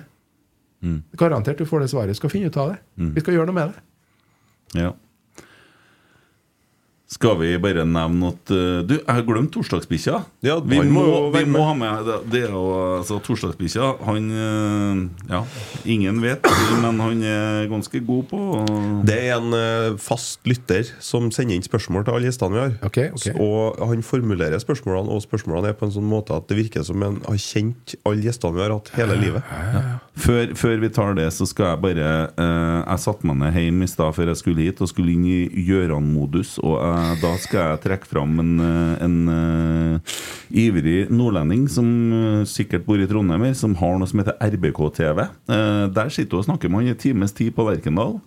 Eh, det ligger ut på YouTube. Oh, ja. Det er en sånn YouTube-kanal. Ja, jeg syns han eh, Ja. fortjener å få bli name-droppa. For at den gutten her Han har holdt på lenge. Han får nå lage sine små saker. Kjempeflink var han. Ja, ja. Ja, nå, ja, ja. nå, det er ikke Erling Næss dere snakker om nå, sant? Det her er noe Erling- nyere Erling Næss var flink i sin tid. Ja, ja, ja, ja. Jeg koser meg med programmene fra 93. Men det må, for, så ikke folk søker opp Rosenborg TV eller RBK TV her nå, så tror de at det er det de skal se Nei, på. men den heter RBK-TV, tror jeg. Ja, jeg, jeg tror det er det også. Jeg følger den i hvert fall på YouTube. Jeg syns han er flink, og det der er tydeligvis en unggutt som interesserer seg veldig for media og Rosenborg. Positiv. Og- ja. Veldig positiv. Ja, og da skal vi trekke det fram. Eh, Rosenborg 2 spilte mot Steinkjer eh, på mandag. Eh, må trekke fram det òg. Agon satt ti, nei, fire mål. Fire, ja. eh, og hunden Carlo fikk vist fram noen noe dribleferdigheter her. Helt Faren din sånn dribler? han, eh, Faren var der og passa hund og mista han, så han kom inn på banen og fikk tak i ballen og tok med seg ballen over streken. Bikkja i Eh, bakken. Bikkja i bakken. Så det var, det var hyggelig. Før torsdagsbikkja så skal vi avgjøre hvem som har stilt det beste spørsmålet. Nei, man må få med spørsmålene han òg. Ja, men han jo, vi vet jo ikke hvem det er. Vi kan Nei, men det vi kan jo Ja, ja, kan få være med, ja, ja. Men, med. eh, ja. Gjøran. Torbjørn Sunde, Bjørn Sve, Rune Overgård, din bror Jonny og Ivar Røsta var alle store talenter på Fosenhalvøya back in the days. Hvorfor tror du at akkurat du nådde såpass langt i forhold til de andre legendene? Eh, Ja, jeg vet jo best om eh, min kjære bror, da, som var multitalent på alt, og var nok minst like god som jeg var ja, når jeg vokste opp, ja. Uh, Jonny, uh, han valgte jo litt, på en måte litt annen vei, fordi at han uh, flytta jo rundt omkring. Han tok jo utdannelse i militæret, og ble jo mm, høyt utdanna i militæret, faktisk. Han, eh, han var jo sjef for eh, Forsvarets veteransenter på, i Kongsvinger. Så han gikk jo den veien der og var jo med utenlandstjeneste og jobba for FN og UN, da. Og, og, eh, så det ble jo litt mindre fotball etter hvert, da. Og du vet at det er jo en brytningspunkt når du kommer til den 19-20-årsalderen, at eh, du må bestemme deg da, hvor, om du satser eller ikke satser. Så blir du tredjevisjonsspiller. Det ble brorsan òg, Jevnaker. Han spilte for Jevnaker når han tok utdannelser på Helgelandsmoen. Så det var årsaken. Altså. Men det må jo sies at vi var jo sammen i Strindheim en liten stund. Vi spilte jo i øverste, altså i 84 var han jo i Strindheim sammen med meg. Han spilte jo kant, og jeg spilte midtspiss. Så vi har jo kamper sammen i førstedivisjon, Eliteserien. Eh, resten av det der, Bjørn Sve var jo mistoffer for Falken og Ressa. Eh, Ivar Røstad var, var Sverre Brandøy i Leksvika. Eh, og det var han eh, godeste Torbjørn Sunde, er jo tremenning eh, som spilte for Leksvika og var hurtigtog. Valgte jo, valgte jo jobb og familie, tror jeg, som var årsaken til at det ikke gikk videre. Men det var jo helt klart et talent. Og så hadde du en sa du, som var fra Rune Overgård. ja, Rune Øvergaard. Fra, han var jo tanksenter på, på Hasselvika og, og Fe, Hil Fevåg. Rune Øvergaard. Så de det husker jeg. Han var, var en litt sånn Gjøran-type, eh, for å si det sånn. Med kraftig og litt høyere enn meg, og kraftig og hadde en eh, veldig god skuddfot. Men eh, jeg, jeg tror en sånn du måtte bestemme deg. Jeg var jo heldig i forhold til Jeg sa jo det jeg var jo heldig i forhold til den veksten og, og på en måte øh, øh, bearbeide og fikk lov til å bli litt bedre for hvert, hver sesong i Strindheim, i tredjevisjon. Mm. Andrevisjon. Litt i andrevisjon, for jeg var i militæret, men også i Eliteserien med Strindheim. Så det gikk så, ble så suksessivt, mens de var jo på Fosen, og så ble det etablering av familier og sånn, og det, eh, da måtte du ta litt annet hensyn, tror jeg. Så jeg tror det er litt sånn at jeg var heldig med og så ble jeg jo, kjønns, ble jeg jo først kjønnsmoden når jeg var over 30. Og det jo, da hadde jeg jo kunnet konsentrert meg om fotball i lang, lang tid. Du er som H-kjerringa. Den blir kjønnsmoden når den er 150 Ja, det ser du. Ja, ja. Husk, husker, du- husker, husker du når de fusjonerte og ble FK Fosen? da? Da kom dere utover og spilte spilt på Marienborg stadion. Ja, FK Fosene måtte nå være på øh, det rundt 1990-1991. Ja. Det måtte være noe sånt, altså. Ja. Da var Rosenborg ute og spilte Ja, eh, artig. og Det var jo et føggelberg Det var jo på, på Jøssund sin stadion, og det Ja, var jo helt finværsdag, og det var jo så mye folk. Jeg tror det var 6000, ca. 6000 stykker som var rundt banen. Det var helt magisk, altså. Det har vært, nettopp vært en sånn liten memory-sak på det Ja. eh, nå. Ja. Jeg var der. Det er nabohus, vet du. Ja, ja, ja. ja, ja. Eh, han spør òg Mons Ivar Mjelde snakka i sin ter trenerkarriere om å bygge stein på stein. Hvordan syns du selv det gikk i finalen av 'Mesternes mester' når du skulle bygge stein på stein? Det er, er rart at det igjen, da. Nå har de fanken meg limt inn det minuset. Så det ene minuset jeg hadde i 'Mesternes mester' òg, så. Eh, jeg, jeg bruker å svare at jo, det var gikk litt eh, heftig til, for at da var det veldig mye sånn rush-rush med tid, og så jeg, var jeg litt nøye nok med grunnlaget, men hadde en, vi hadde jo en sånn Varde, som vi kalte en Varde, bygd på en Varde, før der. Og da ble jeg jo nummer to etter vår olympiske deltaker Stian Grimseth, så det var ikke så ille til å bygge, men akkurat den siste der, som skulle være ca. en meter, den feila jeg på, ja. Det innrømmer jeg. Og gikk litt, eh, gikk litt i svart, faktisk, for at det, var, det tok noe litt overhånd eh, hastighet kontra eh, kvalitet, for å si det sånn. Ja. Og så har han et- Fanken husker jeg. Vi må slutte å huske på sånn. Jeg må huske på alt det andre. Jeg har en til, så. Ja. Uh, og nå, nå begynner du å skjønne hva vi mener med at han uh... For mange herrens år siden lovte du den lokale kjøpmannen i sportsbutikken i Rissa, Frank, at du skulle stille opp i butikken og signere fotballtrøyer. Nå, mange år senere, har du ifølge Franki glimret med ditt fravær.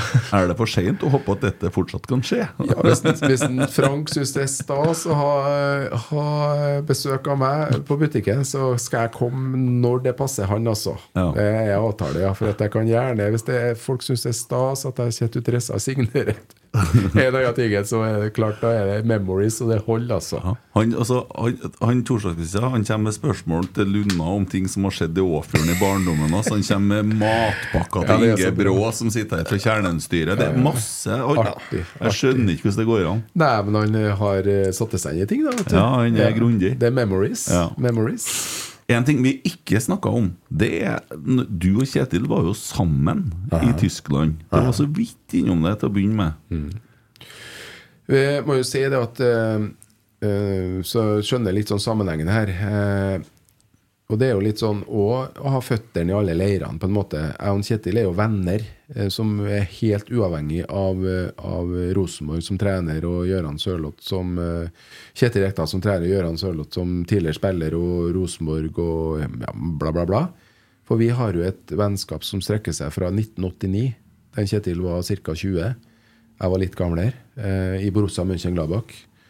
Og vi treftes jo etter hvert eh, veldig ofte på landslaget. Og jeg har vært privat med Kjetil hjem til når når han var trener i, i Oslo.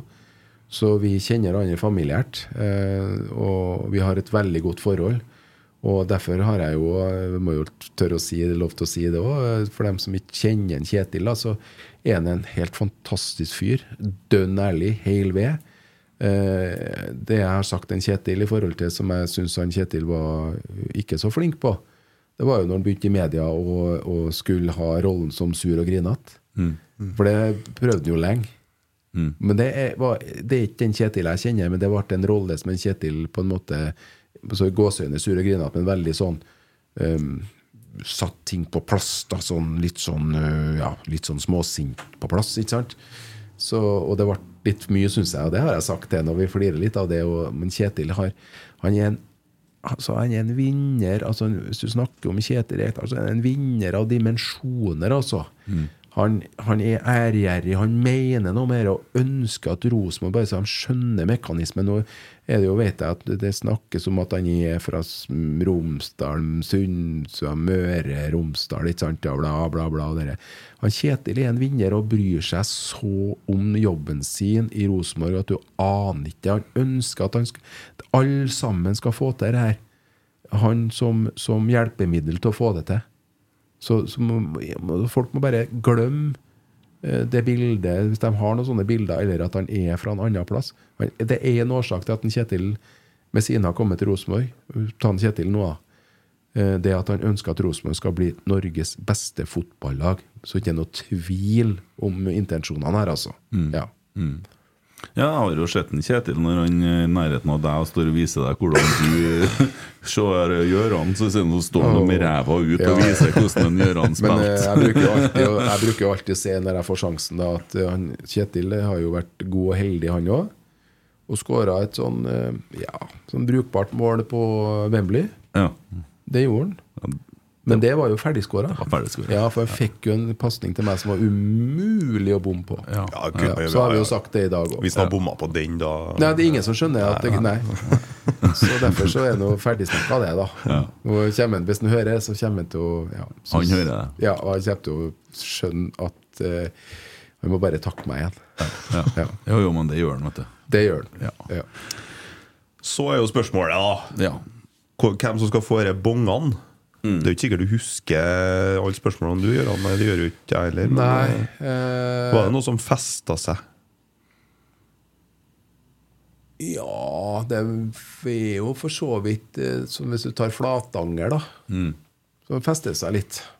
Jonny. Jonny, ja. Ja. Gratulerer, Jonny. Ja. Men det her forutsetter altså, Jonny, at du for det første hører på det her, og for det andre tar kontakt med en av oss. Han kommer til å ta kontakt med meg. Ja, flott. Da får du eh, adresse og alt sånt. Så skal vi få bonger i posten til kompis. Mm. Det blir Jonny glad for. Jonny er Rosenborg-supporter og heil ved. Kan hende bli med litt annet snacks, òg. vi har jo litt eh, greier Ja, å gi bort. Jo, det er Emil Eide som skal sende dette, så det er håp at det, det kommer til neste 1000 år kroner i porto. Ja. Men jeg sånn, eh, skjønner jo at vi begynner å Hvor lang tid har vi igjen, da? Nei, så lang tid du vil, vi. Ja, jeg skjønner, men vi begynner jo kanskje å bli ja, er litt på sånn ja. slutten. Og det, Og vi da er det det. sånn som jeg sier at vi, start, vi starter jo en plass på en sånn podkast og slutter en plass. Ikke sant? Ja, men jeg, jeg vil jo gjerne gjenta det at eh, Så det ikke blir noen misforståelser med det som vi snakker om i forhold til kravsetting, at vi må fortsatt stille store, sterke krav til alle sammen som er involvert i Rosenborg. Det er så viktig, for at det gjør at vi, vi, vi strekker eh, og setter noen ting. Og det er viktig her, altså. Vi skal bli Norges beste lag, og så er det sånn at Og gjerne eh, når det ikke eh, går som vi tror at vi kan, kan være litt grinete og irritert og sint òg, ja. Men ikke ta, så gjentar det som jeg sa, ikke ta det med oss. og Det blir sånn søppel ut av det. Som jeg kaller at vi, at vi på en måte finner ut at herre er så dårlig, herre er så all, Jeg må slutte alle sammen. Altså Det blir bare tull, vet du. For det går ikke. Derfor jeg sier at vi må tenke sånn så at er vi flinke nok til å lagre de, tross alt, de gode stundene? Mm. Så vi kan ta tak i dem? Svaret vet jeg jo, det er jo utgangspunktet nei. At vi er ikke flinke nok til det. Så vi gjør om litt tankerekka. Så limer vi i hjernebarken og rundt omkring, overalt, så mye positivt vi klarer. Og da kan vi stille kravene òg, det er ikke noe problem, det, men vi klarer å, å få frem det positiviteten og energien som vi trenger alle sammen. Eh, fyll på bensin på ilden som brenner positivt, for å si det sånn. Det får vi til alle sammen i samarbeid, altså. Det er jeg overbevist om. Både som vi snakka om når vi snakka om, om kjernen og i forhold til kravsetting, om det som er gjort. Gjort er gjort, og svelgt er svelgt, og nå starter vi på nytt. Mm. Fra nå av, etter denne podkasten, så er det sånn at dæven døtte hvor vi skal fylle på, altså. Mm. Herre min jord, altså. Den ilden skal brenne, altså. Oho. Herlig. Det er herlig.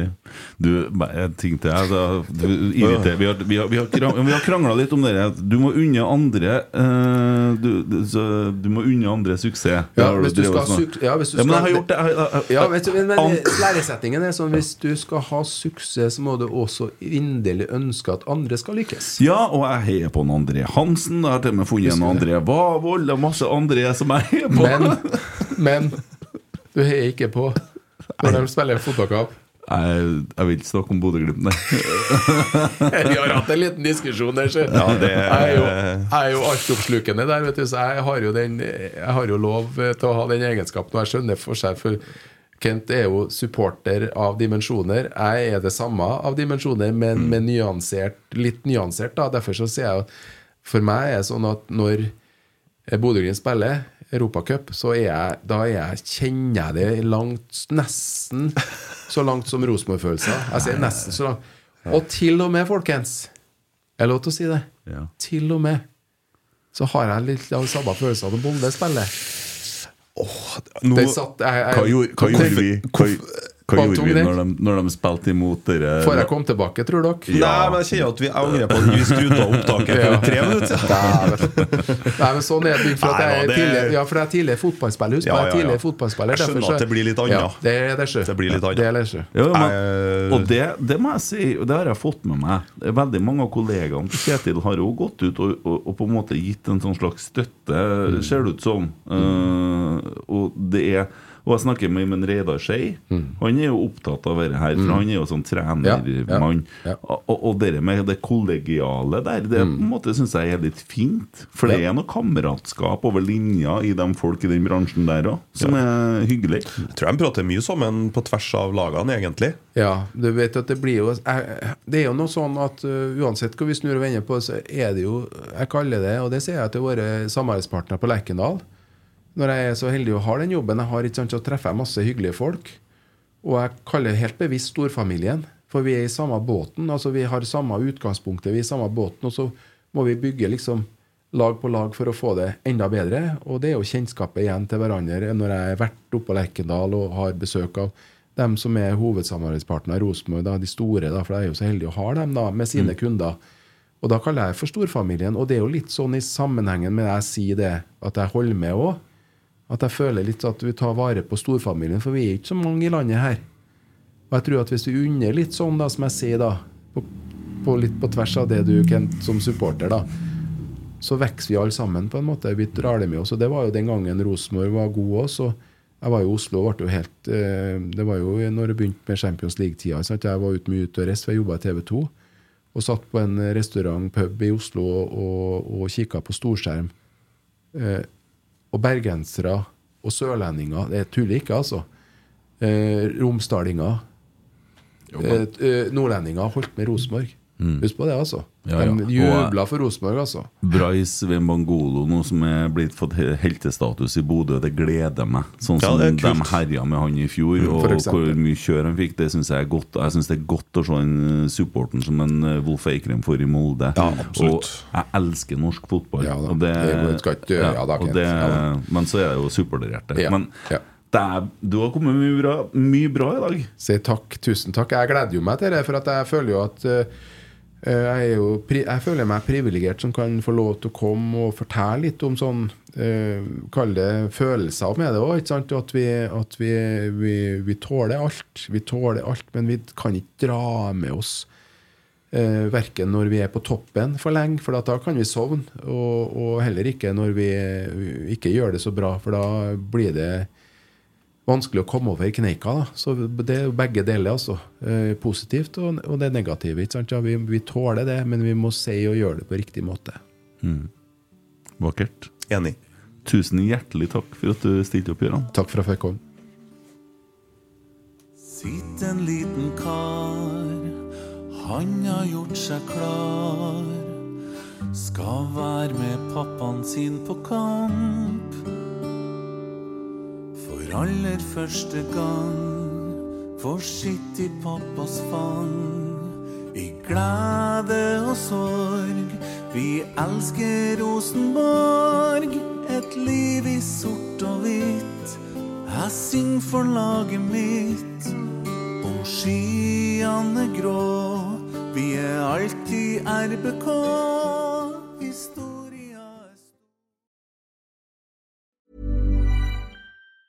Even on a budget, quality is non-negotiable. That's why Quince is the place to score high-end essentials at 50 to 80% less than similar brands. Get your hands on buttery soft cashmere sweaters from just 60 bucks, Italian leather jackets, and so much more. And the best part about Quince, they exclusively partner with factories committed to safe, ethical, and responsible manufacturing. Elevate your style without the elevated price tag with Quince. Go to quince.com slash upgrade for free shipping and 365-day returns. Mom deserves the best, and there's no better place to shop for Mother's Day than Whole Foods Market. They're your destination for unbeatable savings, from premium gifts to show-stopping flowers and irresistible desserts. Start by saving 33% with Prime on all body care and candles. Then get a 15-stem bunch of tulips for just $9.99 each with Prime. Round out Mom's menu with festive rosé, irresistible berry chantilly cake, and more special treats. Come celebrate Mother's Day at Whole Foods Market. Planning for your next trip? Elevate your travel style with Quince. Quince has all the jet setting essentials you'll want for your next getaway, like European linen, premium luggage options, buttery soft Italian leather bags, and so much more. And is all priced at 50 to 80% less than similar brands. Plus, Quince only works with factories that use safe and ethical manufacturing practices. Pack your bags with high-quality essentials you'll be wearing for vacations to come with Quince. Go to quince.com slash pack for free shipping and 365-day returns.